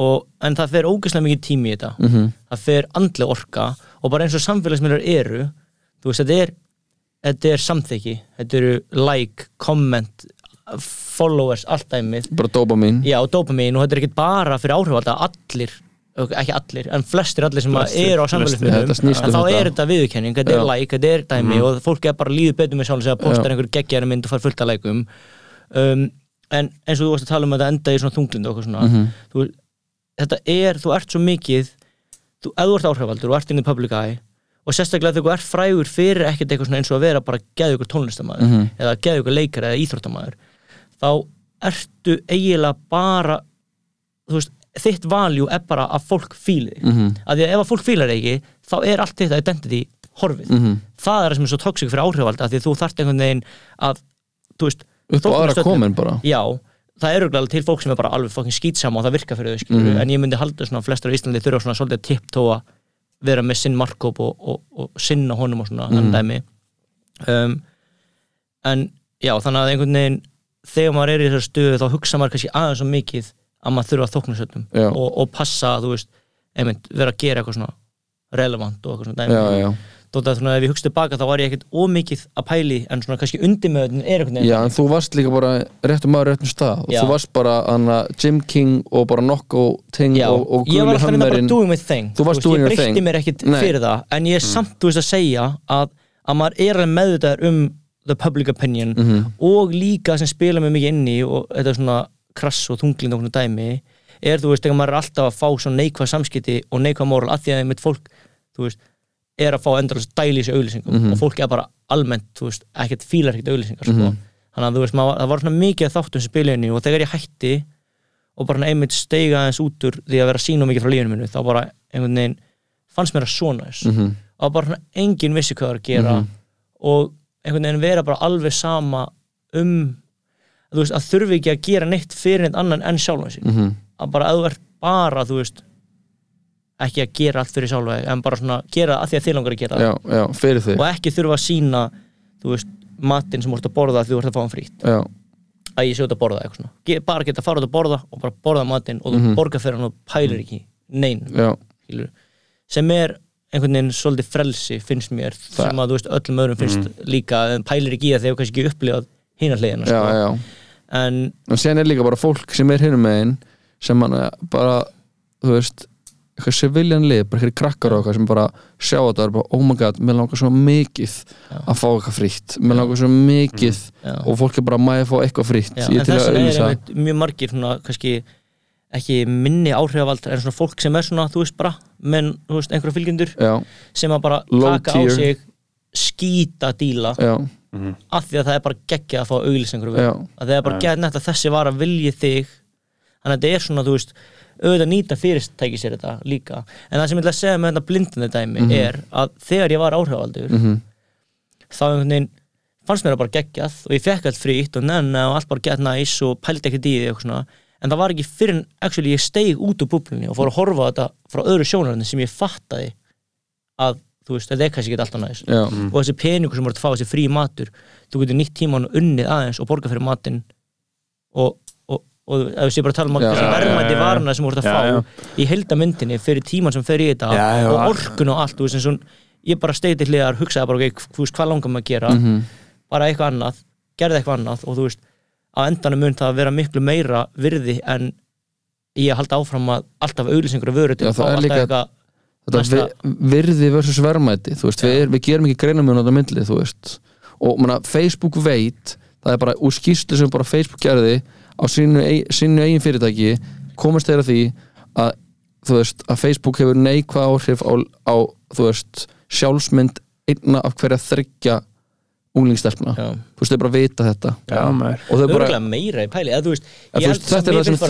sögðu. Þau sögðu já, Já, já, Já, já, já. Ég held að þetta sé 2,8 af þreymur Já, sko já, þú veist, þetta, þetta er þetta er bókstala bara Mark Zuckerberg er eðlu maður frá helvíti Já. Já, maður og annað en það er bara money talks en ég held sko og ég veit að það hefðu allir gott að því að taka samfélagsmiðla pásu óhæði hversu miklu tíma þú eigðir ok, kannski ekki alveg óhæði en, en bara fyrir alla að prófa að hætta í smá tíma því að þú veist á einmitt, einhvern veginn fattar maður bara hvað skiptir máli í lífinu. Það gerist mjög mikið fyrir mig að hætti bara allt við COVID bara, þú veist, hætti á Instagram lífið hæðist aðeins á mér og svona dæmið þá fór maður bara meira pæli í hlutunum sem kannski skipta máli. Mm Mhm. maður er oft bara eitthvað svona já, bara gera eitthvað því að gaman og, og þetta virkar núna í dag mm en einhvern veginn ef þú hættir bara á öllum samfélagsmiðlum í smá það er algjörð frelsi. Já, það var, pæla ekki alltaf í hvað þeir eru að gera. Tímar alltaf að skróla story. Mhm. mm já, bara þú veist þú ert meira í mómentinu og veist, hættir að pæli hvað þessi er að gera og þessi er að gera. Og er, byrjar líka bara að vera meira sama um hvað þeir eru að gera. Mm þú veist, maður er ekkert að græða mikið á að pæli hvað allir eru að gera. Og eins og allir á Instagram, maður er að followa svo mikið af fólki sem eru í mestalegi kunningjamanns -hmm. Já, maður ég, ég, er follow, ég er að follow fucking 1400 manns Já. sko. já, ég líka það er bara Það alltaf mikið fólki og sen er maður bara story, bara swipe, swipe, swipe Já. og bara búin að vera í klukkutum á Instagram Mhm. að skoða þetta en það er geggjað að prófa að taka smá pásu bara fyrir alla ég þótt að sé ekki nema vika sko, bara sjá hvernig það er Já, lífið er betra hinum einn sko. uh, lífið er betra hinum einn sko. Já. ég held að sko, en þú veist maður að finna, uh, hver veit að bara finna sitt prógram Já. í, í þessu sko. mm hver veit að gera það sko. en það er auðvitað til fólk sem að bara samfélagsmeilur eru bara king fyrir sko heldur það samt? Nei, ég held ég held ekki, sko. sko. ég held ekki sko. Þetta er allt byggt á sandi sko. Við erum að nota the master's tool sko. Við erum að fucking stelast inn í, í söfnabræki mistarans sko, og fá að nota tólunans í smástund sko. síðan er hann að fara að koma tilbaka og kirkja okkur með sko.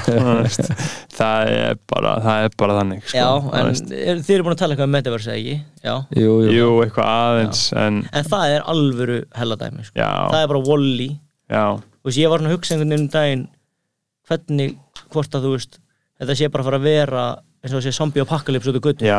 Maður er bara eitthvað einn eftir að reyna að fæta einhvern heim sem allir eru búin að fara í og þú er bara eitthvað ég held að það komi ég held að það verði annað einhvers, einhers svona mótsvar. Já, ég vil trúa því að það verði einhver uppreist sko. Að við séum ekki bara að fara að þú veist, taka þátt í einhverju svona Ég- heim. ég vona að það verði uh, bara sko svona luddætt bylting sko. Mhm. bara svona algjörlega uh, rífum Rífum výrana klippum á þá. Klippum og sæstrengin já, klippum á þetta stöf sko. Uh, og fáum að vera til sko. Uh, ég held það en það þurfti rosalega mikið að gerast sko. Uh, en það þurfti náttúrulega alla byltingar uh, mannkynsins, það þurfti rosalega mikið að gerast Já, stundum var þetta blóðugt Já. stundum ekki sko. Það getur allt gerst sko. Já, já, við höfum nú komist að því og bara atbyrður síðustu ára og bara síðustu mána sína það, það getur allt gerst já, og þannig að já, já, þú veist, sem verður maður bara að, halda áfram að vera þessu bóri tengi, bara hugsa um sig sko, og þannig að er og gera sig vel og, að- og, og hugsa um sig og þá sem er í kringum hann og, og rækta huga Já. líka á sál og eins og við vorum að tala um á hann sko, með öll plönin sem ég var alltaf að lofa mér í mm þú veist, hitt og þetta. Að, veist, það var örgulega svona smá að mér langaði að þóknast öllum eins og ég talaði um á hann -hmm. og maður var svona svolítið mikið að hugsa um eitthvað svona bara skoðanir annara á manni sjálfum sem er held ég alveg frekar eðlilegt og margir gera.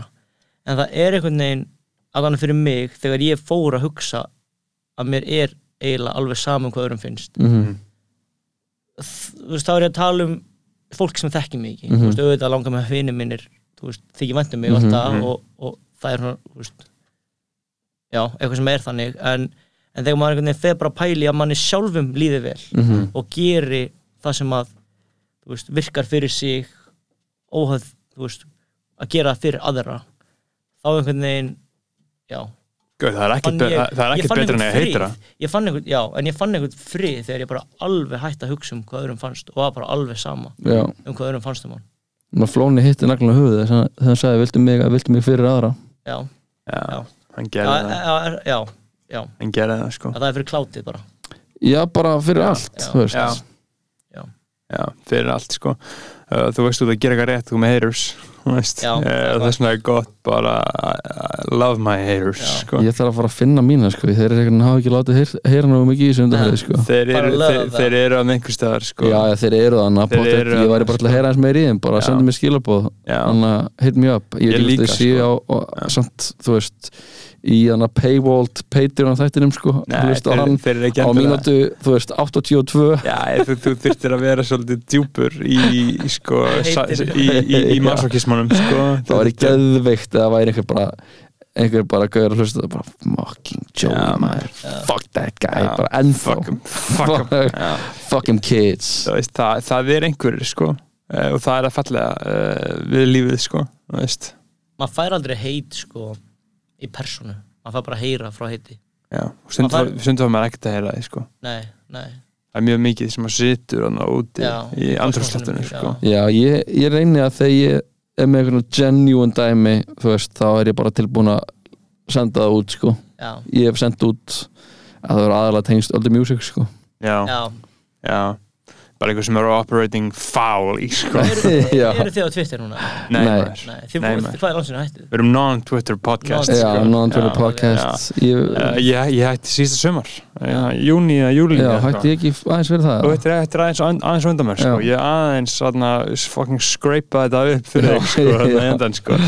og bara I gotta tell you sko, þetta er Já, ótrúlegt líf Já, mér langar ekkert að byrja Twitter Já, sko, nei, ég veit að það er bara þessi neikvæðni, maður svona reynir að forðast svona miklu neikvæðni Já, þetta er bara, þetta er bara sko, bara lowest of the low energy Já, þú veist, já. sem við getur operatið á. Bara Já. þannig að bara leggsta samnefnari bara annað sjálfsvorkun og bara bara endalaus, bara annað fórnlambavæðing, það er allir bara eitthvað, það er, það er fólk getur fokkin grenjað yfir öllu. Já, maður. Bókstálega öllu. Og, og þú veist, ég tek það fram að fólk má grenja yfir einhverju ofböldu sem það vil lendi og ég er ekki að segja að fólk með ekki grenja yfir hverju sem það vil grenja Mm. en bara eitthvað upp á einhverjum ákveðum punkti þá ertu bara að grenja til að grenja Vorkenna. þú veist, þá ertu að vorkenna þér og vilt bara fokkin, að því að miðlinn verðlunar slíka hegðun. Já, að kórin syngja með Mi- maður og miðlinn bara verðlunar hatur á Já. náunganum. Já, og bara fáir hana fucking hana Monsters Inc. Hana Já, maður. hug Mið, giffið. miðlinn verðlunar andstöðana við bóðskap Jésu Krist Já, það var aldrei hafa verið sagð til sannar orð en einhverju Twitter, einhverju tweeti þegar hann sagði að vera Twitter er eins og microdósa helviti það er það sem þú ert að gera Já, já. þú veist, þú ert bara uh, þetta er bara andstaðan við hið góða. Já. Því miður, Já. auðvitað eru bara Siffi G og Tómi Steindors, virðing á þau nöfn að menn, sig í gang, það- gott komedi hana Í- er í helvíti. Það eru, ég held það. Já, það eru, það að það þurfa að vera strísmenn á öllum hana, öllum, öllum hana, já, í öllum bördum og öllum stríðum þurfa að vera Mm. strísmenn á jörðinni og, og, hana, og það eru bara helliga liðir sem bara mjög klárt og flott liðir sem eru á Twitter og það er enginn að segja neitt annað en það sko.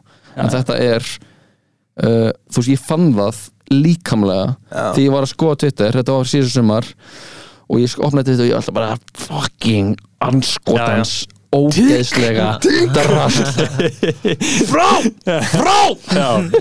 já, já, ég segi bara eins og Ólaður Biskup sagði, vík burt satan. Já, ég held að þetta sé góð logo já, sko. vík burt satan.